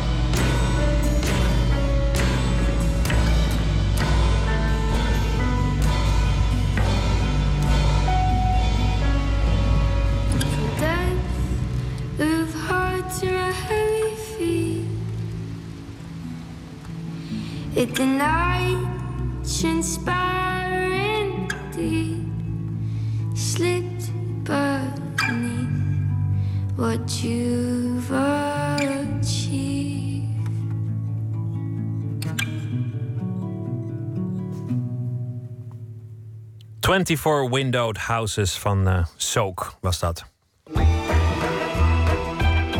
Nooit meer slapen.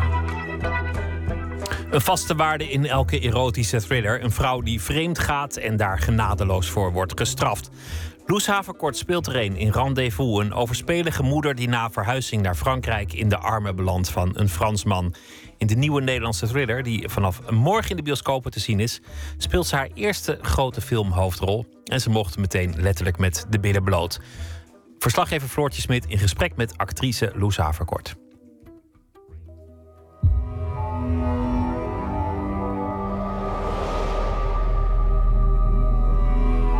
Hebben we het nou mooier gemaakt dan het was? Ja, een beetje misschien. Simone is eh, eh, ja, een lieve, warme eh, vrouw die eh, goed voor de kinderen wil zorgen en eh, goed voor de man wil zorgen. Als hij straks af is, dan komt alles goed.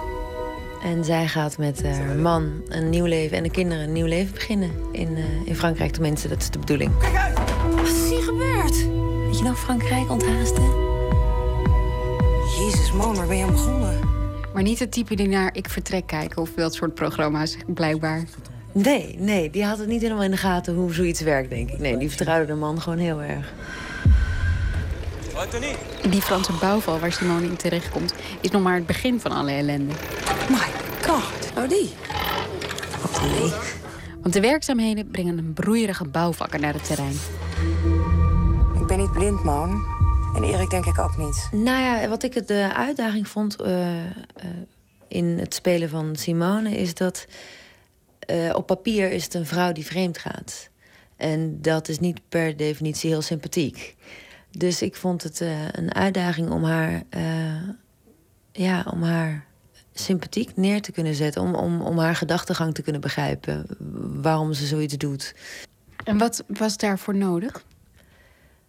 Nou ja, door, door ehm, haar eh, te volgen of door haar neer te zetten als iemand die heel erg haar best doet om, eh, om haar droom te bereiken. En om, eh, om bij haar man in de buurt te blijven, zeg maar, in, in de gedachtegang. En om het goed te willen doen voor alles en iedereen.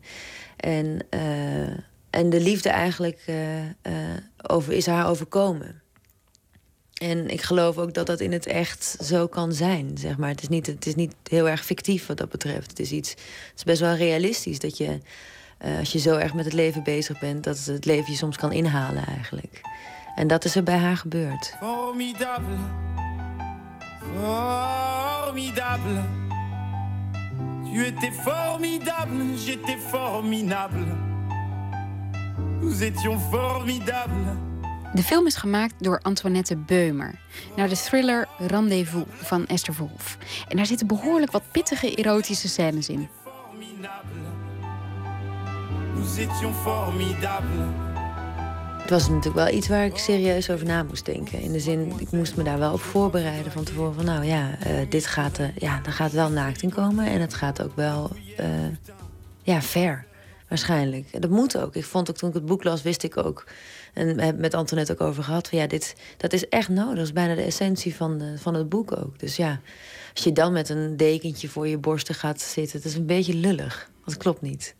En die jongen, hoe ehm, had jij daar nog een, een stem in? Welke jongen het zou worden? De acteur? Ja, ik ben met Antoinette eh, samen naar, eh, zijn we samen naar Parijs gegaan om, eh, om deze jongen te casten. Omdat natuurlijk ook de, de film valt of staat met de chemie tussen, tussen mij en of tussen Simone en Michel.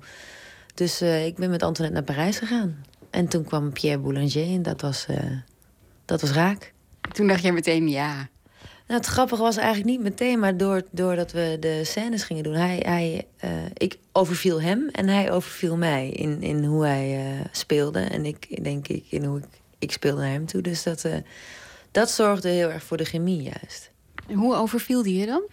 Ja, doordat hij niet het, eh, geëikte, eh, niet het geëikte neerzette. Hij speelde niet de typische Franse charmeur. eh, hij speelde juist de oprechte, ontwapenende jongen. Hoe werkt dat als je dan op een set staat? Moet je dan nog de chemie ook nog een beetje fris houden? Ontloop je elkaar bijvoorbeeld? Nou, dat, nee, we hebben elkaar niet ontlopen. Maar het is ook niet dat we de deur plat liepen bij elkaar... of dat we eh, oh, continu in gesprek waren. De, het, eh, cultuurverschil en eh, de taalbarrière zorgden er al voor... dat we enige afstand hielden. Ook in alle scènes was daar dat aftasten bleef. Omdat we, ja, omdat we elkaar toch niet helemaal begrepen. Of tenminste dachten dat we elkaar misschien niet begrepen. Of, en daarin, ehm, dat bleef daardoor spannend. Ja, ik dacht ook, het scheelt natuurlijk dat het geen Nederlandse acteur is. Want die ken je natuurlijk. Het is zo'n klein kringetje. Ja, en dat gaat al heel snel. Ah joh, eh, wat doen we nou? Dat is een grapje. En dat kon niet. Je kon niks, ik kon niks weglachen. Ik, kon, ik moest het echt gewoon ja, mezelf eh, kwetsbaar opstellen en, eh, en bloedserieus doen. Mama was in de badkamer met Michel. Oh ja? Promets-moi, stay away from the house. Formidable. Het zou toch jammer zijn als je nu op de rem ging staan? Peter werkt voor jullie. Zorg dat je ze een beetje op afstand houdt. Ik zou van jou eens wat meer steun kunnen gebruiken. Maar jij bent er niet. Ik bedoel, de, de, de vrijscène was misschien moeilijk is misschien het verkeerde woord, maar dat was wel heel erg intens. Dat- ik heb dat denk ik nog nooit zo meegemaakt. Eh, dat je dat eh, op die manier, dat we zo ver zijn gegaan. Dus dat is wel iets wat me bij is gebleven, die dag. Ja, ook dat het bijzonder is om dat zoiets, zoiets te doen. Zonder dat het nou heel corny is, begrijp je? Zonder dat ik het gevoel heb dat ik in een, een of andere, andere film beland ben. Hoe gaat het eigenlijk? Is het gewoon echt van, wil je nu je hand even daar leggen en dan zo? Wordt het echt zo ge-? Eh, vaak wel, maar dat gebeurde, dat was dus nu niet aan de hand. Omdat het, eh, ja, dat nogmaals, het boek is er zo doordrongen, eh, door, doordrongen, dat het ook, we hebben uiteindelijk ervoor gekozen om te zeggen, nou weet je, ehm, ja, we hebben wel een aantal camera-standpunten en die doen we, maar voor de rest, ja, ga maar kijken wat er gebeurt. En dan erop vertrouwen naar elkaar toe ook dat je niet te ver gaat. Of dat je altijd mag stoppen als het, eh, als het, eh, ja, als het onvervelend wordt. Of, eh, dus zo. Scheelt het dat het een vrouwelijke regisseur is die dan kijkt en regisseert voor jou? Ja, denk het wel. Ja, ik weet niet of dat met vrouw of man te maken heeft, maar het, het scheelde ook gewoon dat het Antoinette was. Begrijp je? Ik, ik, ik had met haar zo'n zo'n eh, goede band. We begrepen elkaar zo goed. Dus ik had heel erg veel vertrouwen in haar. waardoor ik dat ook durfde te doen die dag. Loes Haverkort is momenteel ook te zien in de films De Boskampies en Snyder versus Bax. Licht in de duisternis. Maar Rendezvous is haar eerste echte dragende hoofdrol. Nou ja, de verantwoordelijkheid is, is groter. Maar ik had ook heel erg veel zin om die verantwoordelijkheid op me te nemen. En ik had ook het gevoel, dit, ja, ik ben er klaar voor nu. Dat was ik eerst nog niet of zo. Zo'n, ja, dat is een gevoel. Maar ik dacht, ik, daar, ik ben er nu klaar voor. Ik wil dat ook. Het grappige vind ik dat je in die uh, bijrollen ben je vaak de juiste vrouw, de, de moeder die alles wel op orde heeft. En dit is de vrouw die het allemaal net niet op orde heeft. Dat is toch eigenlijk. Eigenlijk dacht ik, je zit vast in dat bakje van, van vrouwen die, ja, die het goed doen. Nou, ik zit heel vaak juist in een, beetje een bitchy bakje. Ik word heel vaak uh, gecast voor de wat koelere, afstandelijke vrouw. En dat is Simone zeer zeker niet. Uh, en ik ben dat zelf eigenlijk ook niet. Dus het is, ik weet niet, het heeft met een bepaald uiterlijk te maken, denk ik. Maar daardoor was het, uh, was het heel leuk om deze rol te kunnen spelen. What kind of games are you playing with me? Formidable, j'étais formidable. En je hebt hem helemaal gezien, hè? neem ik aan. Ja, ik heb hem gisteren nog, uh, nog weer gezien met mijn man. Ja. Oh, leuk. ja. ik zei, schat, nou komt die, nou, nou komt die ene scène. En viel het mee? Ja, ik vond het heel fijn om ook. Ik wilde ook heel erg graag dat hij hem zag. Ook omdat hij natuurlijk uh, alle verhalen heeft gehoord van mij. En, uh, en we een hele, heel goed huwelijk hebben. En ik dat graag zo wil houden.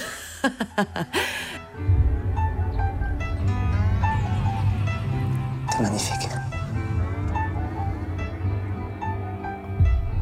Actrice Loes Haverkort over haar rol in de film Rendezvous vanaf morgen te zien in vele bioscopen.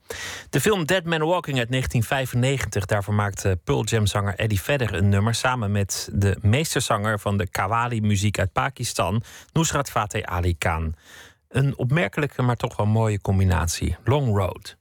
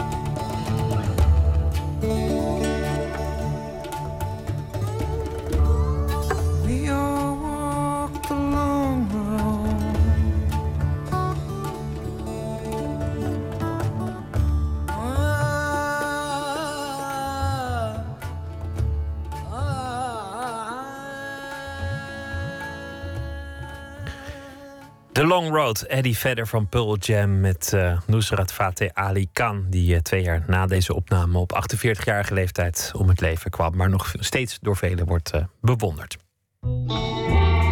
Nooit meer slapen.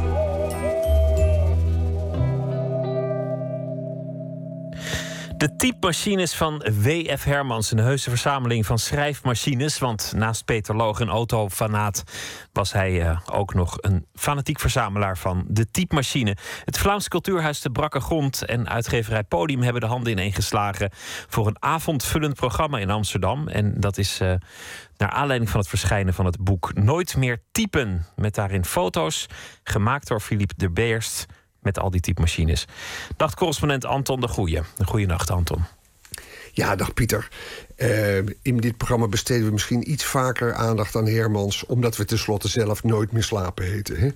Maar dat is niet de enige reden om er nu vandaag op die avond... de aandacht te vestigen, daar in de brakke grond... want het belooft interessant te worden. In de eerste plaats misschien wel voor de verzamelaars... en de mensen die kikken op die oude tikmachines... Maar dat is niet het enige, want die avond gaat dieper dan alleen maar een potje nostalgisch zitten doen. Er doen schrijvers aan mee die zich laten inspireren door de collectie. Um, om het via die collectie te hebben over vraagstukken waarmee we in deze tijd te maken hebben. Zoals bijvoorbeeld, hoe kunnen we ons nog concentreren als we een tekst schrijven op een computer. En we zien de hele tijd maar Facebook en Twitter berichten. Om maar eens wat te noemen. Tijd, ja, en... ja om hè, want de concentratie die is vaak weg. Dat is echt een actueel probleem waar we het zelfs in de redactievergadering onlangs nog over hadden. Nou, het heeft zelfs de redactievergadering redenen... gehaald. Dan is het echt een, ja. een urgent uh, probleem. Iets anders is natuurlijk, er was laatst zo'n vraag, uh, er was een artikel over geschreven. Had Flaubert dat boek Madame Bovary nog kunnen schrijven als hij een tekstverwerker had gehad? Was het dan hetzelfde ja. boek geworden? Of was hij dan terug gaan knippen, gaan plakken, gaan uh, kopieën, pasten, noem maar op? Ja. Nou, Willem nou ja. Frederik Hermans heeft een keer gezegd... zonder schrijfmachine zou ik nooit een roman geschreven hebben. Ik wil maar zeggen. En een van de mensen die dat nog helemaal met hem eens is... is Dirk van Weelde. Vrijdag ook een van de schrijvers die aanwezig is. Verklaard voorstander van het gebruik van de machine bij zijn werk. Ik belde hem vanmiddag. Voor het maken van een boek maak je aantekeningen in schriftjes, in mappen. Uh, vervolgens uh, neem je jezelf dingen voor. Je maakt lijstjes, je maakt schetsen van karakters. Je maakt heel veel daarvan, doe ik met een, deed ik altijd met een pen en nog. Maar ook deed ik heel veel daarvan met de schrijfmachine. Net als het maken van aantekeningen nadat ik van alles en nog wat bij elkaar gelezen heb... voor een lezing of een artikel. Dan maak ik als het weer een samenvatting van al materiaal. Ik, ik praat mezelf moed in op de schrijfmachine... en begin dan aan de uiteindelijke versie op de computer. Maar ik heb ook hele romans in eerste versie helemaal op de schrijfmachine geschreven. Het is zoiets uh, als de akoestische versie van, uh, uh, van iets wat je ook in een stadion met elektrische gitaren kan uitvoeren. Begrijp je? Ik bedoel, voor jezelf is het nuttig om die bepaalde omstandigheid, klank, combinatie van uitnodiging en weerstand te hebben... waardoor je lekker surft op je eigen brein. Ja, al dus uh, Dirk van Wilden. Hij gelooft ja. duidelijk nog in, in de, de typemachine. Ik moet ook denken aan Jack Kerouac, die, die in der tijd juist alle, uh, hoe heet het, alle blaadjes aan elkaar plakte met, met tape, zodat, zodat hij niet steeds een nieuw papiertje erin hoefde te doen. Die had waarschijnlijk liever de laptop weer gehad. Ja, nou ja, ik hoorde Dirk van Weelde aan en ik dacht... ja, ieder heeft zo zijn eigen ritueel. En als wij op een Apple tekstverwerker tikken... dan hebben wij weer misschien iets met ons, ons, uh, onze prints of zo. Dus ik neigde ernaar om het een beetje valse romantiek ook te vinden. Um, het lijkt een beetje irrationeel toch wat hij zegt. Want wie haalt er nu nog een oude tikmachine tevoorschijn... als hij uh, wil tikken, legde ik ook aan Dirk van Weelde voor. Hier is zijn reactie. Nee, nee, nee. Er, er zijn hier harde neurobiologische processen in het spel, Anton. Het is bewezen in klinische studies, in laboratoriumsituaties... dat het lezen aan een scherm waar je scrolt tientallen procenten minder effectief is... in het onthouden en weer paraat hebben van wat je gelezen hebt... dan wanneer je iets in bladzijden leest. Op een scherm, maar ook op papier. Hetzelfde geldt voor schrijven. De mate waarin je je eh, gedachten verbaliseert, dus in, in lopende grammaticale constructies plant, is eh, verder vooruit wanneer je aan een toetsenbord zit van een schrijfmachine dan wanneer je dat aan een computer doet. Dat is gewoon bewezen. Al dus Dirk van Wilde. Nou ja, eh, eh, de nostalgie en de schrijfmachines van Hermans. Prachtige apparaten waarschijnlijk. Wie zijn er nog meer? Schrijfster Renske Jonkman ehm, komt ook vrijdag. Die zal dit onderwerp een beetje breder trekken. En die signaleert dat er behalve belangstelling voor schrijfmachines in deze tijd ook meer belangstelling voor de grammofoonplaat en voor andere dingen van vroeger is. Zij noemt dat een vorm van romantiek. En zij gaat dat koppelen aan het werk van Hermans. En dat wordt boeiend, denk ik. Ehm, zij zegt, het grappige van Hermans is, die had twee kanten. Hij wordt geschaard onder de romantisch rationalisten. En dat wil zeggen, aan de ene kant schreef hij heel erg vanuit de reden en de wetenschap. Nou, dat kan je zien in Nooit meer slapen. Gaat over een wetenschapper. Aan de andere kant zie je ook het romantische terug in zijn werk. Bijvoorbeeld dat die wetenschapper in Nooit meer slapen... eh, dan helemaal wegtrekt naar Lapland... en het eigenlijk fijn vindt dat hij daar helemaal in zijn ukkie is. Renske Jonkman heeft zelf wat zij noemt... een haat-liefde verhouding tot het werk van Hermans... maar vindt het eigenlijk ideaal om aan de hand van Hermans werk... en van zijn levensvisie juist over de problemen van deze tijd te praten. Luister. Dat sombere zakelijke, wat, hij heel sterk in zijn werk heeft... en wat heel veel uh, naoorlogse schrijvers hebben... dat is iets wat me soms tegenstaat. Maar het is een ontzettend goede verteller. En wat ik wel heel interessant vind aan het werk van Hermans... is, zijn twijfel aan de werkelijkheid en zoals die zich aan ons voordoet. En de twijfel aan, de mensen om je heen... of, of de mensen die uh, die je ontmoet of, of die de waarheid spreken. En het gaat continu om, om dat zoeken naar die waarheid. En ja, dat vind ik uh, heel erg interessant aan het werk van Hermans. Dus, dus ik vond het eigenlijk ook wel heel grappig toen ik erover na begon te denken... dat ja, die tegenstelling in zijn werk dat dat ook precies datgene is ja, wat mijn haat-liefdeverhouding met, met Hermans veroorzaakt. En het is eigenlijk ook die tegenstelling die je nu in deze moderne tijd ziet. Dus wat dat betreft is hij een perfecte belichaming daarvan. Juist, al dus Renske Jonkman over Hermans. Die typemachines, dat, dat stond al in de biografie van Otterspeer. Dat is een prachtige collectie, dus dat zullen ook mooie plaatjes zijn. Ik vroeg mij af, je, je begon over de laptop... of dan in de toekomst ook bijvoorbeeld de laptop van Peter Buwalda tentoongesteld zal worden. Of, het, uh, of dat dan ook een, een kostbare reliquie is geworden tegen die tijd.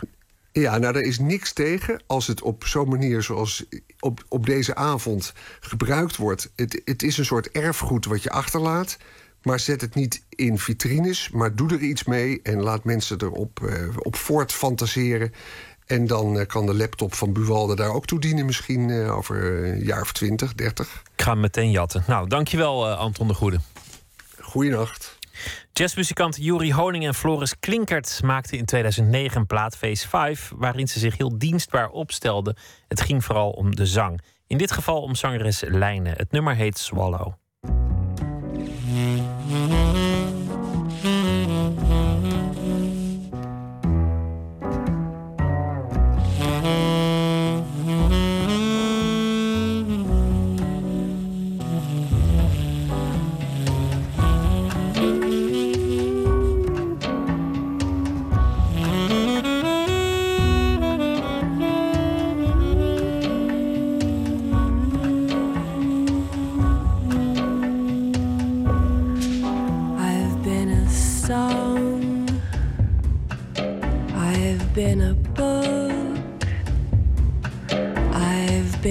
House for you, I've been a dog that wags its tail, I've been edible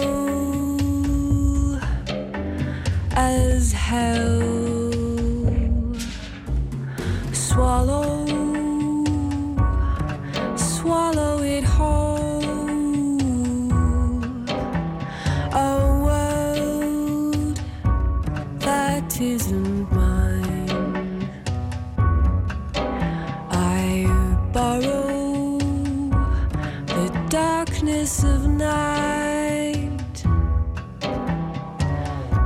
Bright colors burn my tired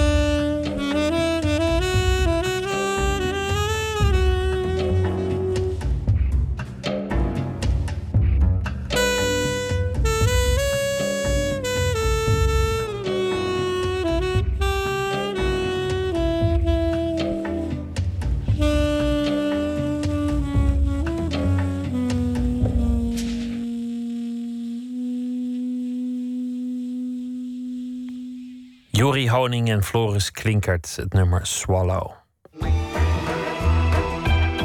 Nooit meer slapen. Ook insecten houden van architectuur, ontdekte kunstenaar Bastiaan Meijer een paar jaar geleden.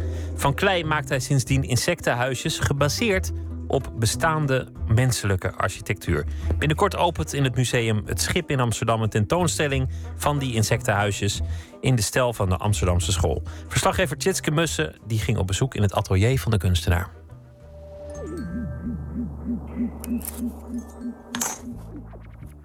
Ik ben bezig met een opdracht en dat is, wordt voor iemand die op dit gebouw geïnspireerd een hangend insectenhuisje wil. Ja, welk gebouw is dit? We kijken op jouw computer. Eh, dit is in Schiedam ergens. En eh, nou, ik ben eerst maar eens begonnen met de grondvorm van het gebouw. En dan, eh, het is geïnspireerd op, dus het betekent niet dat, eh, ehm, eh, dat ik hem precies na hoef te maken. Maar ik ga eerst maar even de grondvorm maken. En dan ga ik kijken wat ik er misschien nog een, wat leuke details extra aan maak. Of, nou ja, zodat het een leuk ding wordt om naar te kijken.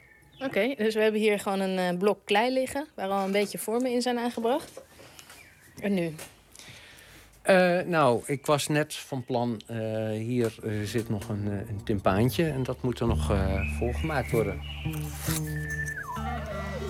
Ik ben Bastiaan Meijer en ik maak insectenhuisjes.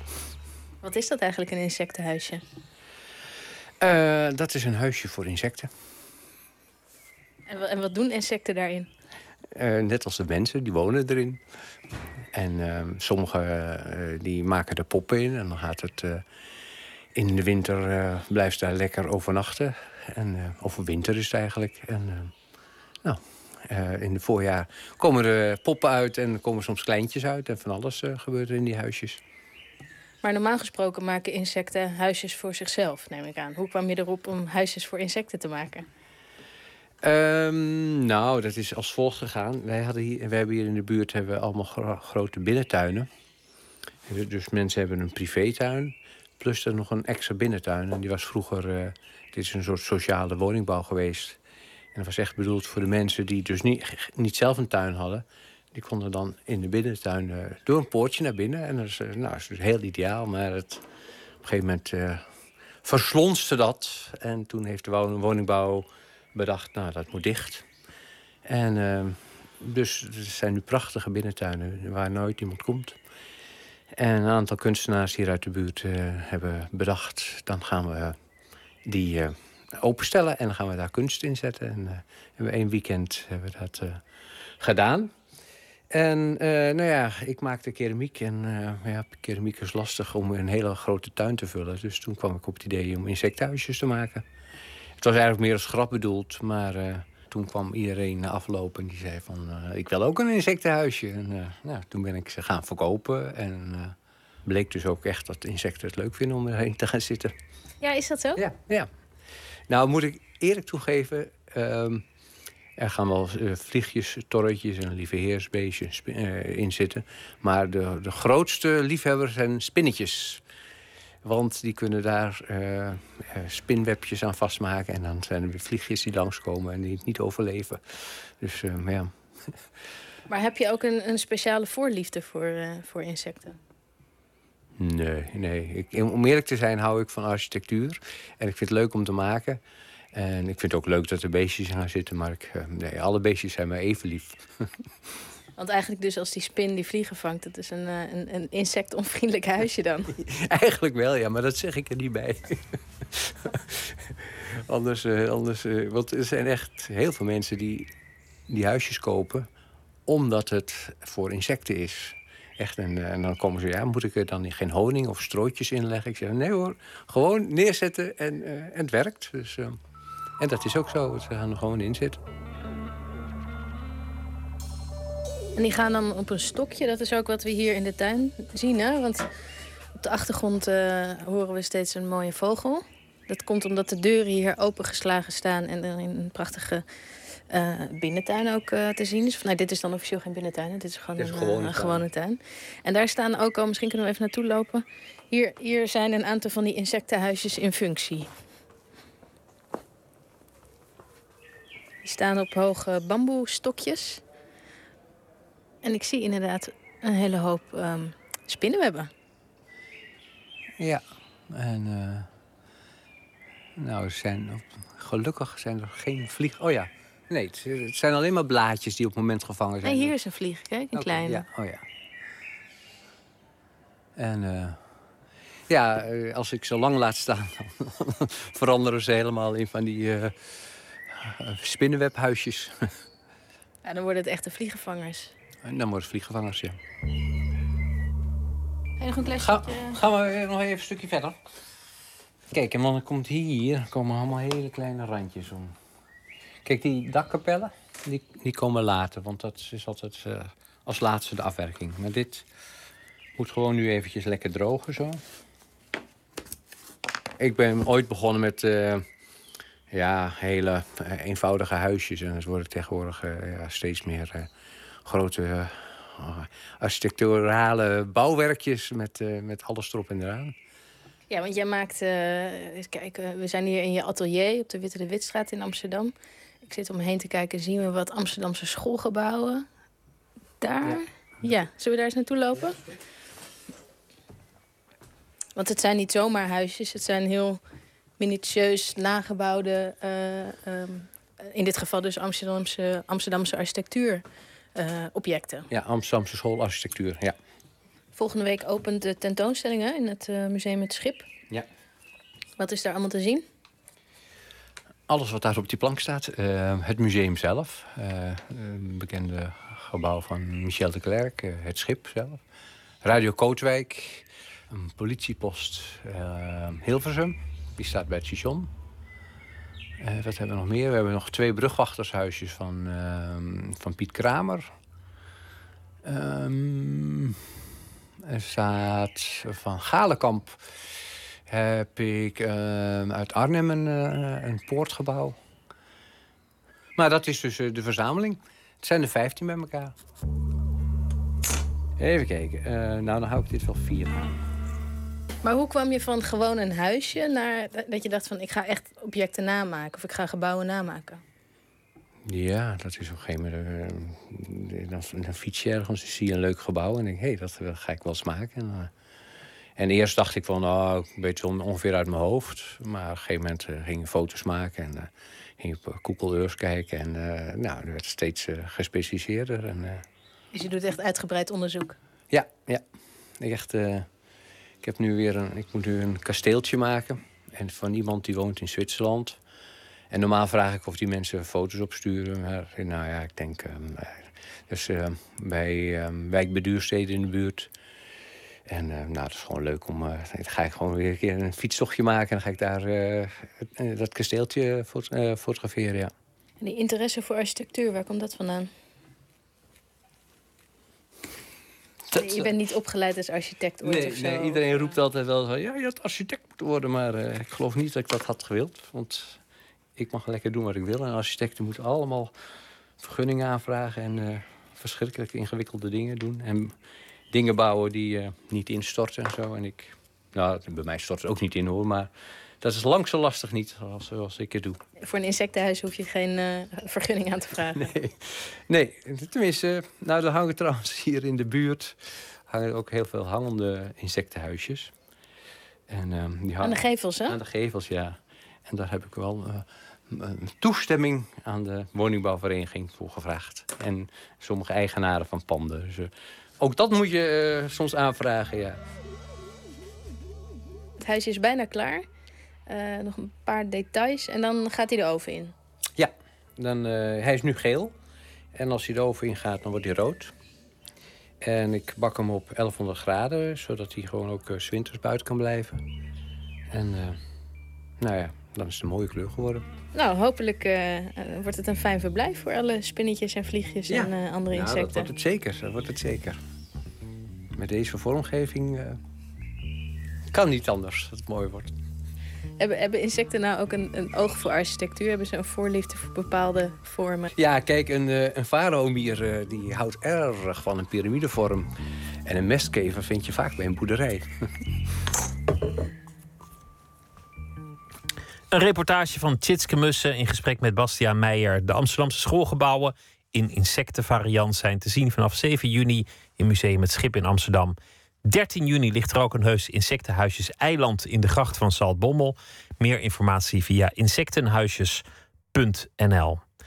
Een nummer eh, dat door, ve- komt van de plaat die door velen wordt gezien als de beste plaat van 2014 van The War on Drugs, een Amerikaanse band, Last in the Dream.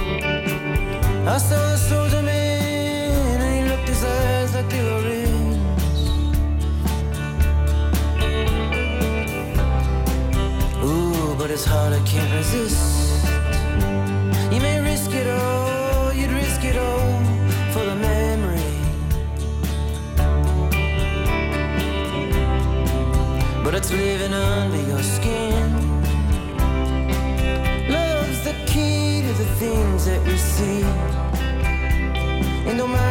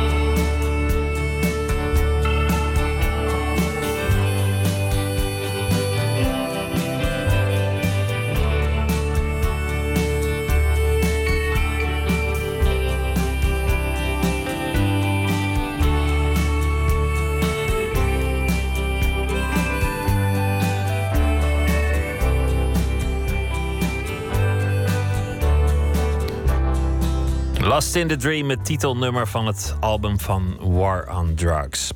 Co Woudsma woont al leven lang in Weesp, in het huis waar hij in 1960 werd geboren. Op zijn zevende begon hij al met het schrijven van gedichten. Op zijn 28ste werd het zijn beroep. Een opleiding aan de Schrijversvakschool heeft hij gevolgd. In 1992 zijn eerste publicatie van gedichten. Eerste bundel Viewmaster verscheen toen hij 37 werd. Binnenkort alweer de derde met de titel Hoogste Zomer.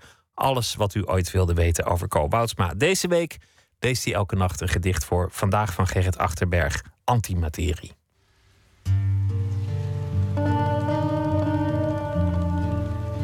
Vannacht wilde ik een gedicht van Gerrit Achterberg voorlezen. En wel zijn laatste gedicht.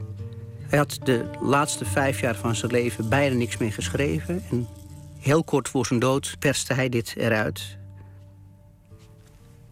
Antimaterie.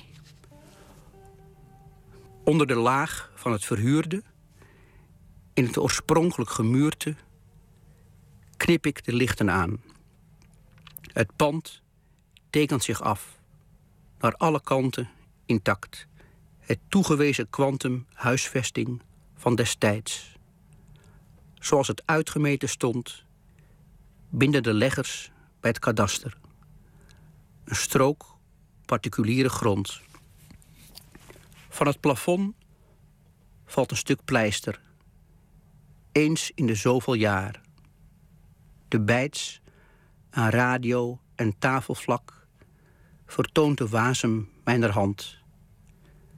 Het vloertapijt een dameshak. Krassen de kachelglans. De politoer schemertoestand tussen weefselstructuur en geest. Handvatten zijn ontvleest. Drempel en sleutelgat aftans. Gangmatten rafelen nog steeds bij deze starre fietesdans. Mijn elleboog leunt in de muur. Vingers bespelen riggelstof.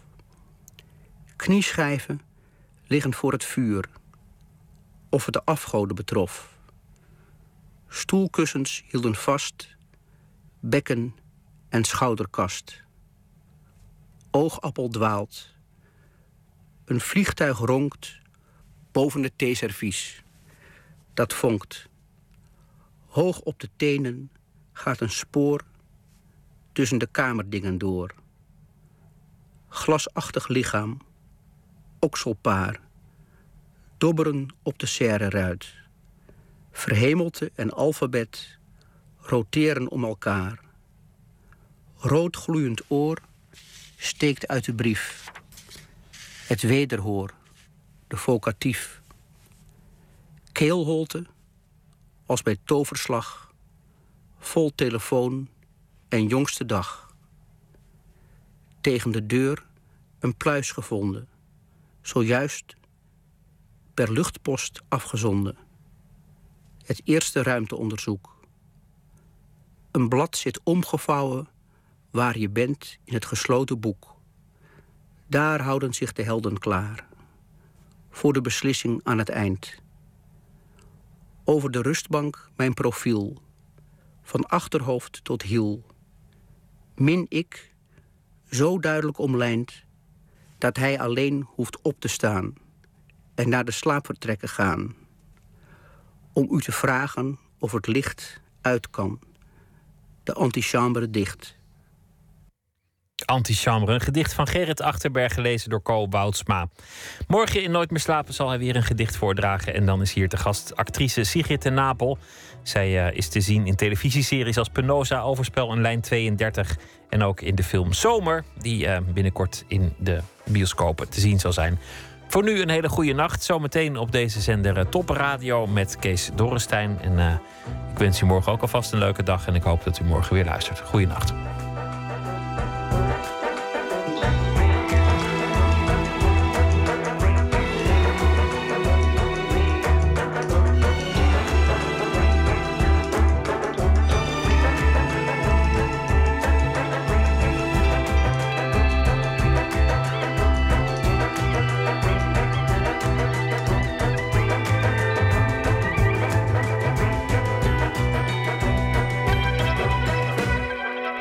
Radio 1.